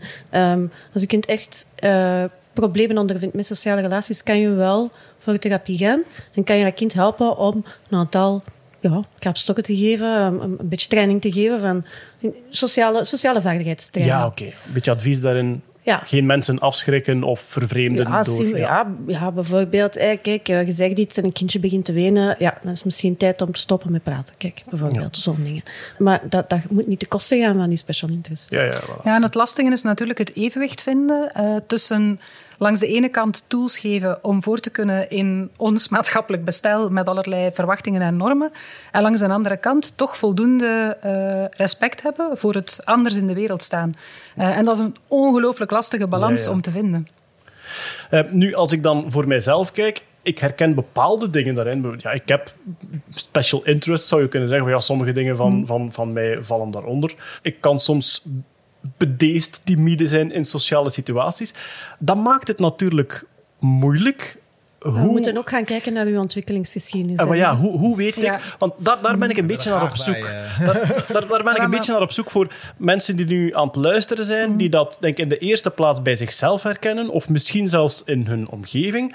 Kan ik op een manier voor mijzelf uitmaken, ik moet eens gaan kijken of ik een diagnose nodig heb, of kan ik op een manier uitmaken, ik heb waarschijnlijk geen diagnose nodig? Maar ja, je zegt ook diagnose nodig. Het feit dat je het herkent, dat is op zich prima en niks mis mee, zou je kunnen zeggen. Ik heb iets heel belangrijk niet gezegd. Die diagnose wordt vandaag de dag pas gesteld. Ook dat staat in die DSM-bijbel. Als je daar ook last van ondervindt. Als, Ja. je, als je tegen dingen aanloopt in het leven. Dus het is niet omdat je dingen herkent in al die beschrijvingen die we hier gegeven hebben, dat je moet denken van eh, ik heb eh, dringend een diagnose nodig. Nee, het is ook heel onhandig. Ik, ik wou graag het leger in. eh, ik kan prima meegaan in de maatschappij. En, en toen de tijd stuurde ik een brief van... Yo, ik wil wel het leger in. Lijkt me wel leuk. Mini-issue, ik heb autisme. En, en nou, ding 1, dat je daarop afgewezen wordt, vind ik heel hilarisch. Omdat je nou ergens behoefte hebt aan autisten, is het in een leger. Jongens hebben alleen maar structuur. Je mag nergens tegen ingaan en dit zijn de regels. Ik bedoel. Eh, en het zou heel fijn zijn als je er niet te hard mee zit... als we af en toe iets doen wat niet ethisch correct is. Nee, komt goed. Eh, echt, ik zou recruiten op. Maar ik werd dus afgewezen erop. Dus een diagnose kan je zeker ook in de weg staan. En ik heb ook vaak genoeg in mijn leven gehad. eh, zeker ook in het relationele vlak. Het komt een keer op. Het is een onderdeel van mij. En eh, dan kan het ook een nadeel zijn dat ik autistisch ben. Eh, maar het is inderdaad, eh, wat je zegt... de vraag moet niet zijn: heb ik autisme? De vraag is: heb je ergens last in het leven? Waar loop je tegenaan?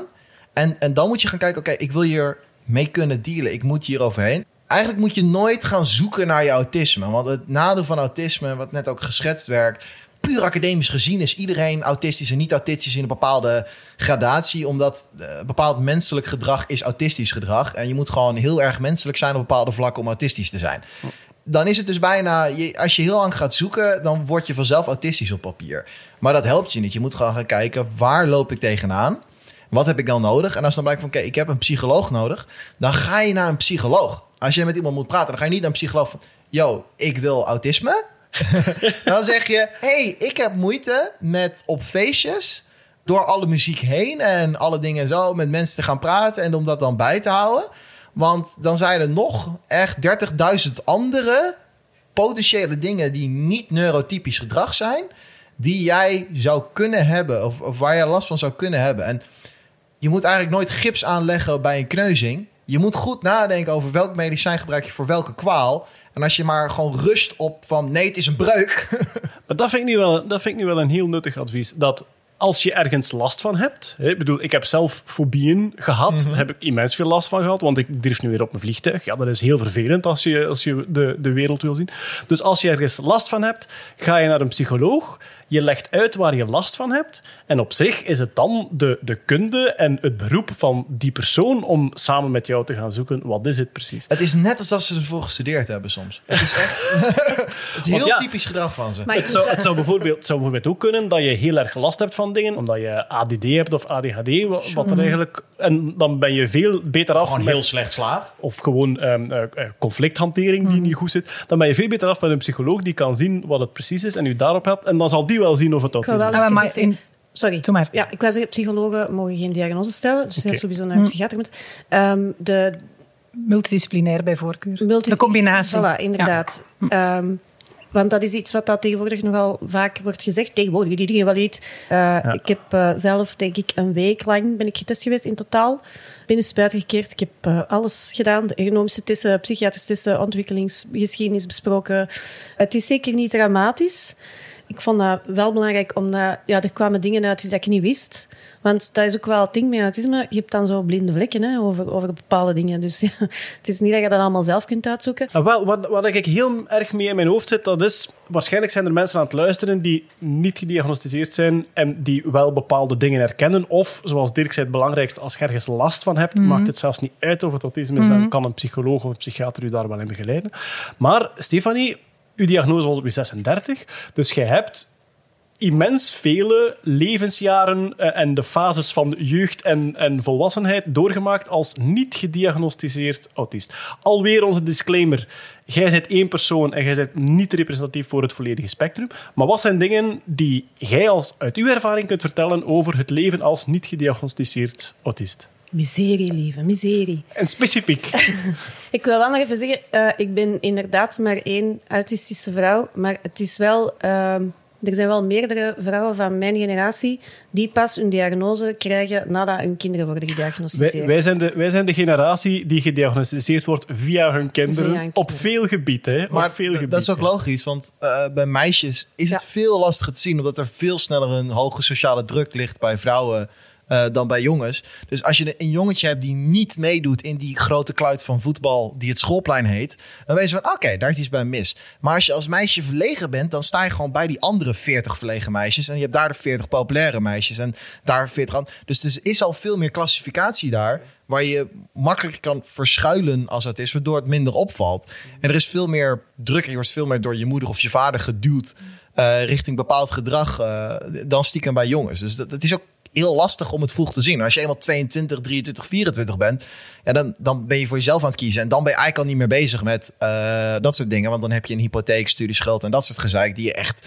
genoeg avonden wakker houden. Heb je echt geen psychologische zorgen meer bij nodig. Ja, het is, het is zo wel rond die leeftijd dat ik zo voor de eerste keer zo'n soort interventie heb gekregen van mijn vrienden. Die zeiden van Stefanie, je moet echt iets doen aan de manier waarop dat je communiceert. Want jij kunt soms zo ongelooflijk grof zijn.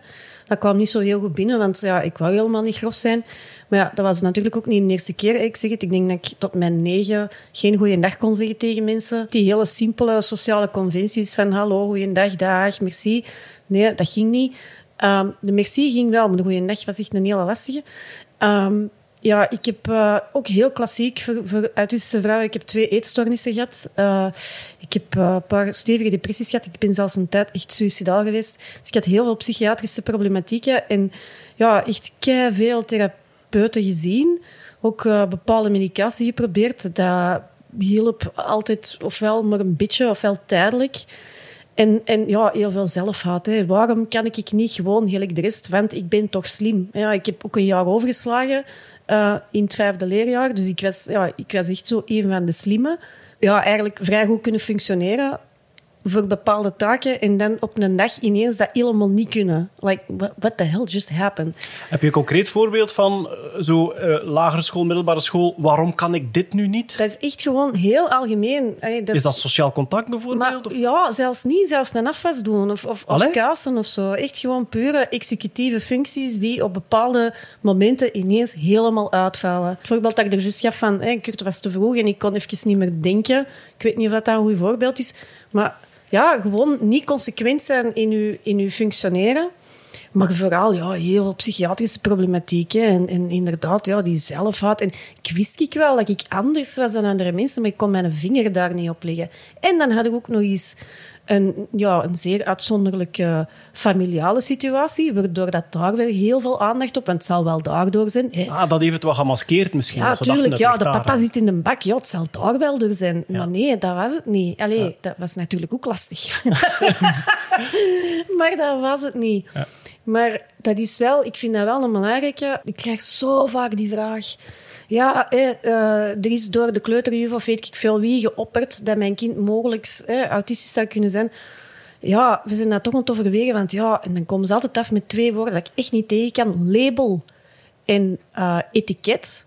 Ik vind dat verschrikkelijke woorden. Het is een diagnose. Je zou dat ook nooit zeggen over iemand met diabetes bijvoorbeeld. Allee, goed, Ik wil niet het label diabetes. ja, voilà. Ik bedoel, ja, nee, sorry. Het is, het is complexer dan dat. Dus heeft alsjeblieft een beetje respect voor, voor de complexiteit van de ontwikkelingsstoornis en neurobiologische... Ja. Allee, ik bedoel, dit is echt een supercomplex gegeven. Nee, dat is niet gewoon een labeltje. Dat is niet gewoon een etiketje. Hoe dat, dat wordt gepercipieerd door de omgeving, dat is aan de omgeving. En daar kun je als ouder wel iets aan doen. Je kunt niet je kind minder of meer autistisch maken. Dat gaat allemaal niet. En ook dat kind weet dat er iets anders is. Dus geef het alsjeblieft een naam, dat dat dan niet begint internaliseren van er is iets mis met mij. Dus dat vind ik wel heel belangrijk. Inderdaad, wel zoals Dirk zegt, je moet het niet gaan zoeken. Als er echt geen problemen zijn, zijn er geen problemen. Maar als er al een leerkracht naar u komt en die zegt van, I don't know man, ik denk dat er hier toch getest mag worden. Alsjeblieft, doe dat gewoon. En als het niet is, is het niet, hè. Ja, ja. En er is steeds meer kennis over hoe dat je daarmee omgaat. Of, Tuurlijk, ja. tuurlijk. Het is geen doodsvonnis. En, ik, en wederom wil ik wel nog even het verschil maken. Nee, inderdaad. Dirk en ik, wij zijn zeer goed functionerende mensen. We hebben een carrière, we hebben vrienden. En ja, er zijn kinderen die daar inderdaad altijd gaan moeten begeleid worden, die niet zelfstandig gaan kunnen leven. Daar willen wij absoluut niet min over doen. Zeker niet. Misschien nog heel even terugkomen op je vraag van die laat gediagnosticeerde. Wat, wat, wat is dat dan? Hè? Eigenlijk zie je daar twee groepen in. Ik denk wat Stefanie beschrijft is de groep waarbij dat je heel veel andere problematiek ziet. Hè? Psychiatrische problematiek of nog andere problematiek, die bijna bedekt dat er nog iets anders onder zit. En mensen zien dan niet dat er iets onder zit. Eh, ik denk dat men er nu wel gevoeliger voor aan het worden is, maar zeker bij, bij meisjes, ook vaak bij eh, jongens, maar vooral bij meisjes, werd vooral gekeken naar de laag die erover zat. Angststoornissen, depressies, eh, allerlei moeilijke, moeilijke psychiatrische problematiek. Waar dan eigenlijk pas na verloop van tijd blijkt van, ja maar wacht eens, daaronder zit eigenlijk nog iets anders. Eh, en dat dus lang duurt om dat helder te krijgen. Dat is één groep waarbij het lang duurt om, om tot die diagnose te komen. Er is ook nog een andere groep, en dat is eigenlijk de groep die jarenlang heel goed eh camoufleert, Gemaskeerd, maskeert. ja, ja. Jarenlang goed geleerd heeft te verstoppen, bewust of onbewust, hè, want dat hoeft niet per se een bewust proces te zijn. Wat daar het gevaarlijke van is, als ik dat gevaarlijk mag noemen, is dat dat bijzonder veel energie kost. Dus wat je ziet bij, bij mensen die, die jaren, jaren camoufleren, compenseren, is dat die op een gegeven moment in hun leven dan vastlopen, in een soort van burn-out terechtkomen. En dat is dan geen werkgerelateerde burn-out, maar bij wijze van spreken een sociale burn-out, een, een autistische burn-out wordt dat ook steeds meer genoemd. Er komt dan niks meer uit hun handen, vast, helemaal vastgereden. En Ja. die groep wordt ook steeds vaker laat gediagnosticeerd met autisme. Ja, ja, ja. En, en via de kinderen. Hè. Er is een diagnose bij de kinderen Ja. en de ouders zitten mee te luisteren naar de criteria en denken, wat? Ik was vroeger een ambetant kind en nu heeft dat eindelijk een naam en een, en een ding wat ja, vroeger... een, Ik had eh, het zelfs niet door. Want ja, uw eigen blinde vlekken. Hè. Ik, ik kan ook moeilijk mijn eigen emoties eh, herkennen. Ik voel wel vaak van, oei, hier is iets mis. Maar ik weet niet precies wat. Ah, precies ja, ja. wat. En dan achteraf denk ik, ah ja, dat was kwaadheid. en toen de, de zoon gediagnosticeerd was, dat was echt, ja, dat was echt de papa die zei van, ja, maar Stefanie, eh, dat zit jij, hè?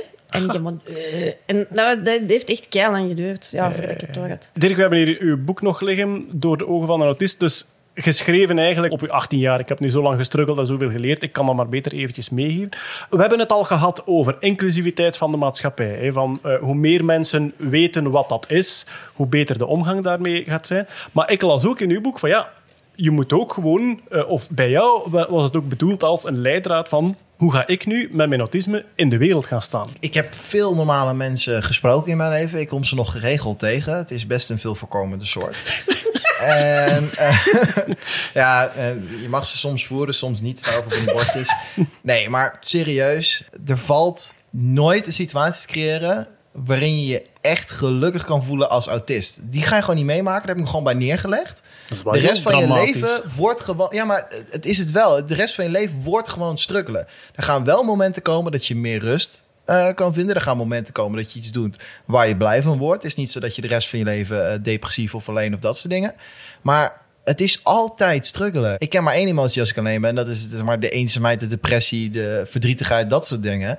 En al de andere emoties komen eigenlijk alleen maar als ik met mensen ben. Want het, het is vaak En dat is voor iedereen ook weer anders. reageren op waarschijnlijk. elkaar. Ja, dat is Ja. absoluut voor iedereen. eh, hoe dan ook, ik kan niet spreken voor iedereen. Ja. Eh, want dan moet ik gewoon nog langer spreken en ik praat al veel. Ik geloof niet dat, dat dat moment komt. Ik heb het ook nog niet echt gezien om me heen bij mensen. Maar wat ik wel zie is eh, dat het mogelijk is om de skills te leren. Waardoor je, eh, dat was mijn angst altijd, geen last bent voor de maatschappij. Ik zag zo'n filmpje van een autist die voor een wasmachine zat, het ronddraaien was. En dat was een soort schrikbeeld. En dat is mijn levensmotivatie geweest om eigenlijk te groeien. Want ik wil alles behalve dat worden. Ik wil geen last worden voor de maatschappij.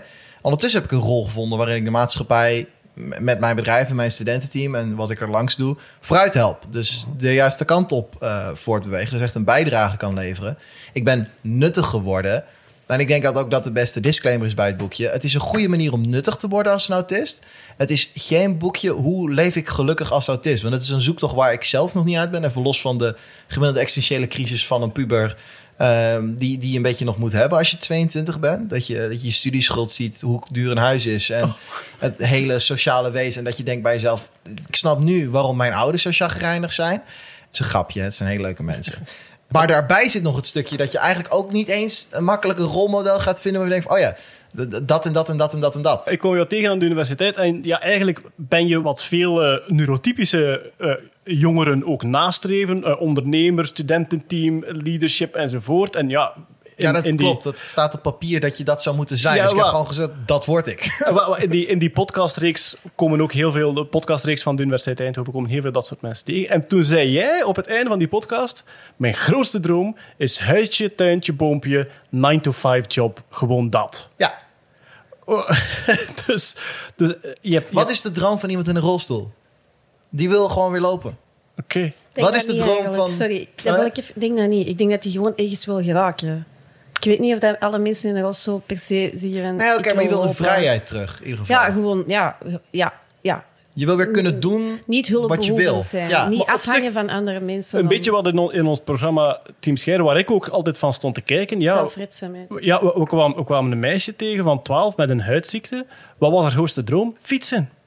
Ik stond er als 12-jarige niet bij stil van, hoera, ik kan fietsen. En voor haar is dat dan van fietsen. Dus voor jou is dan dat huisje, tuintje, boompje, Ik wil 9 to gewoon 5. ik wil neurotypisch zijn. Echt? Ja, dat, Als jij nu, want dat is zo de, de spreekwoordelijke rode knopvraag. Hè? Als er nu een rode knop op tafel staat en je kan erop duwen Ja. en je, jij duwt erop? ja, absoluut. Nee, ik heb zoveel pijn, zoveel verdriet, zoveel verlies, zoveel narigheid meegemaakt. Nog op dagelijks basis, nog vanochtend in dingen. Ik heb zoveel dingen zijn voor mij zo ontzettend onnodig complex. Ja. Zonder dat er ooit iemand het respect en eh, de credits geeft voor... hey, wat super dat jij los van al het normale gezeik wat iedereen moet doen... ook dat moet doen. Mm.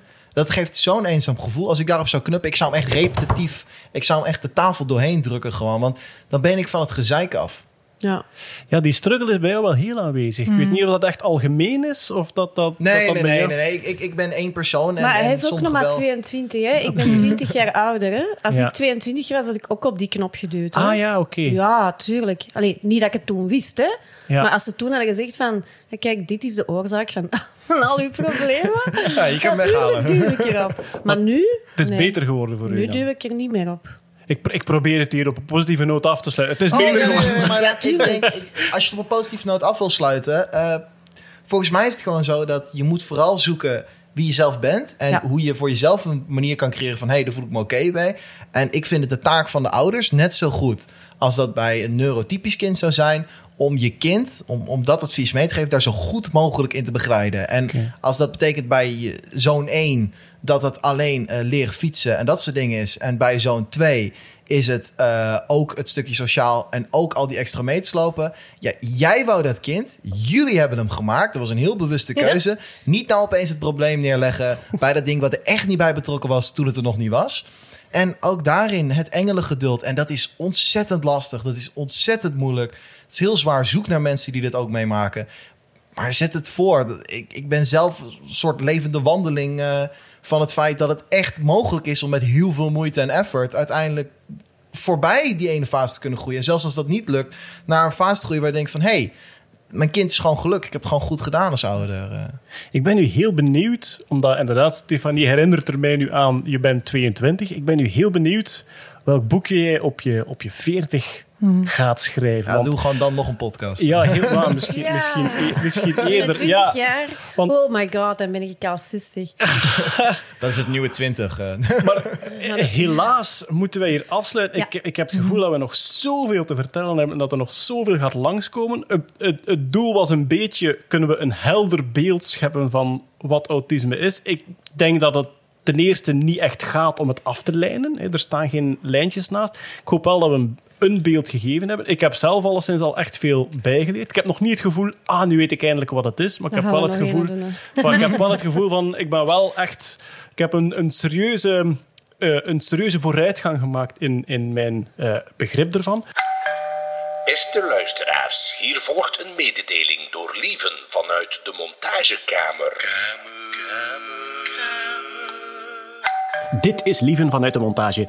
Eh, ja, onze tijd zat erop voor de podcast, maar we hadden echt het gevoel achteraf dat we nog lang niet uitgepraat waren. Dus we hebben besloten van daar een vervolgje aan te breien, ergens in de komende maanden.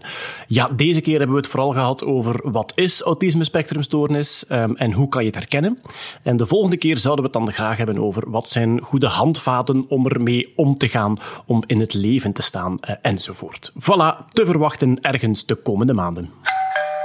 Einde bericht. En Stefanie, jij wou nog een paar... Ja, sowieso komen er show notes waarin dat we Ja. zoveel mogelijk informatie geven. En jij wou nog een paar shout-outs doen naar andere informatiekanalen of rolmodellen, mensen die er Ja, rolmodellen, dat weet ik niet of dat, of dat ze zo willen omschreven worden. Maar ik wil wel een shout-out doen naar een aantal eh, autistische mensen die ik kan volgen op sociale media of kan lezen of naar kan luisteren. Ook zeer belangrijk voor ouders van autistische kinderen. Wat dat je zeker nodig hebt, is volwassen autistische mensen, ofwel in uw vriendenkring, ofwel op uw sociale eh, newsfeed. Dat is echt heel belangrijk. Reach out. Eh, wij zijn meestal zeer praatgraag, zoals jullie vandaag hebben En, gehoord. be- en bedoel je omdat de volwassenen daar heel veel vragen aan kunnen stellen? Of omdat de kinderen dan andere voorbeelden Nee, vooral, zien? vooral voor de ouders. Hè. Vooral voor de ouders eh, denk ik dat dat een hele belangrijke is. Dat je dus wel degelijk luistert, hoort, leest. Je kunt u informeren bij iemand die het meemaakt. Alweer heel individueel, maar Ja. die het wel... Ja, eh, ja. maar het is wel belangrijk. Dus eh, ik kan een aantal shout-outs geven in no particular order. Elise Cordaro, die vind je op eh, Instagram en op Facebook. Zij heeft zowel de diagnose autisme als ADHD. Zij heeft ook een boek geschreven en dat heet Anders kan ook. Dan hebben we Bianca Toeps, die vind je vooral op Twitter. Eh, zij heeft ook een boek geschreven, twee zelfs. Het eerste boek heet Maar je ziet er helemaal niet autistisch uit. En dat is een beetje een mopje. Dat moet je dus vooral niet zeggen tegen autistische mensen. En waarom? Dat ga je lezen in het boek. Ze heeft ook nu een soort eh, kinderversie van dat boek gemaakt. Eh allee, een, een versie voor kinderen. En dat heet Ik ben autistisch. Dan hebben we onze eigen Vlaamse Magali de Reu. Ja. Eh, zij heeft ook een boek geschreven. Dat heet Out of the Box, natuurlijk Out met AU. En ze heeft ook een nieuwe podcast specifiek voor autisme. En die heet Outcast, wederom met AU. Want woordmopjes, dat doen we graag. Dan hebben we Steven de Blik. Steven vind je ook op sociale media, ik denk eh, vooral op eh, Twitter. Die heeft een podcast en die heet 20 Angles. Het gaat niet specifiek over autisme, het gaat vooral over mental health. Natuurlijk mag ik niet vergeten Jos Dekker, de leukste Ah, ja. autist op Twitter. Hey. Jos. Eh, En ook vaak, vaak in, eh, in talkshows zit in Nederland. Ja, in hè? Nederlandse, Nederlandse media is zij eh, al wel eens aanwezig. Eh, en dan hebben we eh Tistje, Tistje.com. Die heeft ook een boek geschreven, Mhm. kijk eens aan. En die heet Autistisch Gelukkig. Vind ik een heel interessante titel. Ik heb hem wel nog niet gelezen, sorry, Tistje. Eh, ik ga dat wel Autistisch doen. gelukkig, oké. Autistisch gelukkig, inderdaad. Eh, zeker zijn site checken, omdat hij ook heel uitgebreide eh, boekbesprekingen doet van alles wat dat er rond autisme is verschenen. Dus als je denkt, is dit boek wel iets voor mij? Check eens een keer op uh, tiestje.com. Sowieso, we gaan dat ook in de show notes zetten. Maar de, de belangrijkste, als je zegt van, ah, ik zoek echt informatie. Er zijn twee organisaties in België waar je zeker naartoe kan. En dat is de VVA, de Vlaamse Vereniging Autisme, en Participate. Dat zijn zowel de twee grootste, denk ik, waar dat je, eh, die zowel online zijn. De VVA heeft trouwens ook een uh, autismefoon. Kan je naar bellen. Uh, ik heb die al eens gebeld in de, de jongste jaren van mijn zoon, toen ik echt dat, dat, er echt iets was gebeurd. En ik van, ik kan even niet meer. Ik heb nu iemand nodig die mij zegt wat ik moet doen. En ik kreeg een autistisch meisje aan de telefoon en heeft mij keihard geholpen. Oké, in dit geval gaat we nu even gewoon deze doen. Alright. Ja. Dus, Voor wie niet uh, graag belt, er is ook een autisme chat. Voilà. ah, dus ja. dat kan ook. Getypte ja. chat online. Ja. Ja. En Participate heeft ook een heel uitgebreide uh, leeslijst van zowel artikels als boeken. Oké, okay, en wij zitten hier vandaag bij Paswerk, gaan we nog vernoemen. We zijn hier te gast bij Paswerk in Antwerpen. Ik denk dat Paswerk verschillende filialen heeft over heel Vlaanderen. Is het? België zelfs tegenwoordig. België. En het is dan een uitzendbureau? Het is eigenlijk gewoon een consultancybedrijf. Hè. Dus het heeft dus niks te maken met sociaal werk of ik Het is een winstgevend bedrijf. Hier wordt zwaar geld verdiend. uh, zij nemen autistische consultants aan en... Uh, delen die... Uh, nee, wacht, hoe zeg je dat? Zenden die uit? Nee, hoe moet je dat nu zeggen? Detacheren ze. Ja, detacheren ze. Dus die, ja.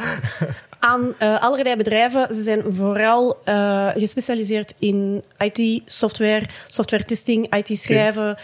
dit en dat. Ook heel belangrijk, zij delen hun expertise gratis in voor niks met andere bedrijven die daarmee aan de slag willen gaan. We gaan die ook in de show notes zetten. Het is ja. echt een topbedrijf. Dus paswerk en dan uh, pas met twee S'en, ASS, autisme spectrumstoornis. Um, ja, eigenlijk gebruik maken van de analytische geesten, uh, denk ik dan, hè, die hier allemaal zitten.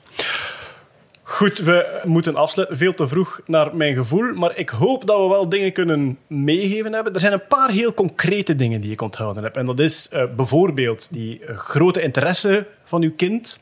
Uh, omarm die. Gebruik die los van het feit dat je ook zorgt dat het sociaal gepast blijft in de juiste situaties. Het zinnetje, Dirk, van een veranderde situatie, dat je zegt aan het kind met autisme, we gingen normaal dat doen. Maar omdat dit gebeurd is, gaan we nu dat doen. Oh, ik wil dat zinnetje ook voor mezelf. Hoor. Nou, tegen mij mogen mensen dat ook iets vaker. dat vond ik al een, een hele handige om houden. En ook, en dat vind ik echt een gouden advies. Als je ergens last mee hebt, in het leven, in de omgang, in sociale situaties, in gelijk wat, Eigenlijk maakt het niet uit of dat je jezelf afvraagt of dat je autisme hebt of niet. Als je ergens last mee hebt, ga naar een psycholoog of een psychiater. En leg gewoon uit waar dat je last mee hebt. En als die tot de conclusie komt, het is autisme, ideaal, dan heb je alle tools die mensen voor je al uitgezocht hebben. Als die tot de conclusie komt, het is geen autisme, maar het is ADD, een fobie, een uh, uh, conflictvermijding of wat. Nog beter, je weet tenminste wat het is en je gaat de juiste handvaten krijgen om daar dan mee verder te gaan. Oké, okay, voor de rest blijf ik er nog met heel veel vragen zitten. Dat lijkt mij logisch. Uh, en ik hoop dat iedereen die zich hierin uh, herkend heeft, of iets van omge zijn omgeving herkend heeft, dat die de juiste hulp vindt. Uh, Dirk, uw boek Door de ogen van een autist, dat is enkel online te koop, denk ik. Hè? Ja, het is alleen online te koop. Zeker in COVID-tijden erg handig. Ja, voilà. Als mensen gewoon zoeken naar Door de ogen van een autist, Dirk van Meer, dan vinden ze dat zeker wel. Het slim winkeltje, zo heette het, denk ik, waar ja, ik het gekocht heb. Klopt. Ja, ja, en, en het, eigenlijk gaat, het wordt geen winst gemaakt. Alles is ook gewoon okay. voor het drukken om zoveel mogelijk mogelijk te maken. Voilà, en hopelijk een vervolging, want daar denk je al uh, aan, denk ik. Of, ja, weer een hoop geleerd. ja, voilà. Dan dank ik iedereen die hier aanwezig was. Dirk van Meer, helemaal uit Nederland. Stefanie Degenin. Bye. Uh, Ilse Noens. Bye. En zowaar Kurt Beheid aan Yay. de knoppen. Dankjewel, Kurt, om aan de knoppen te draaien. Dank je, Kurt. Bye.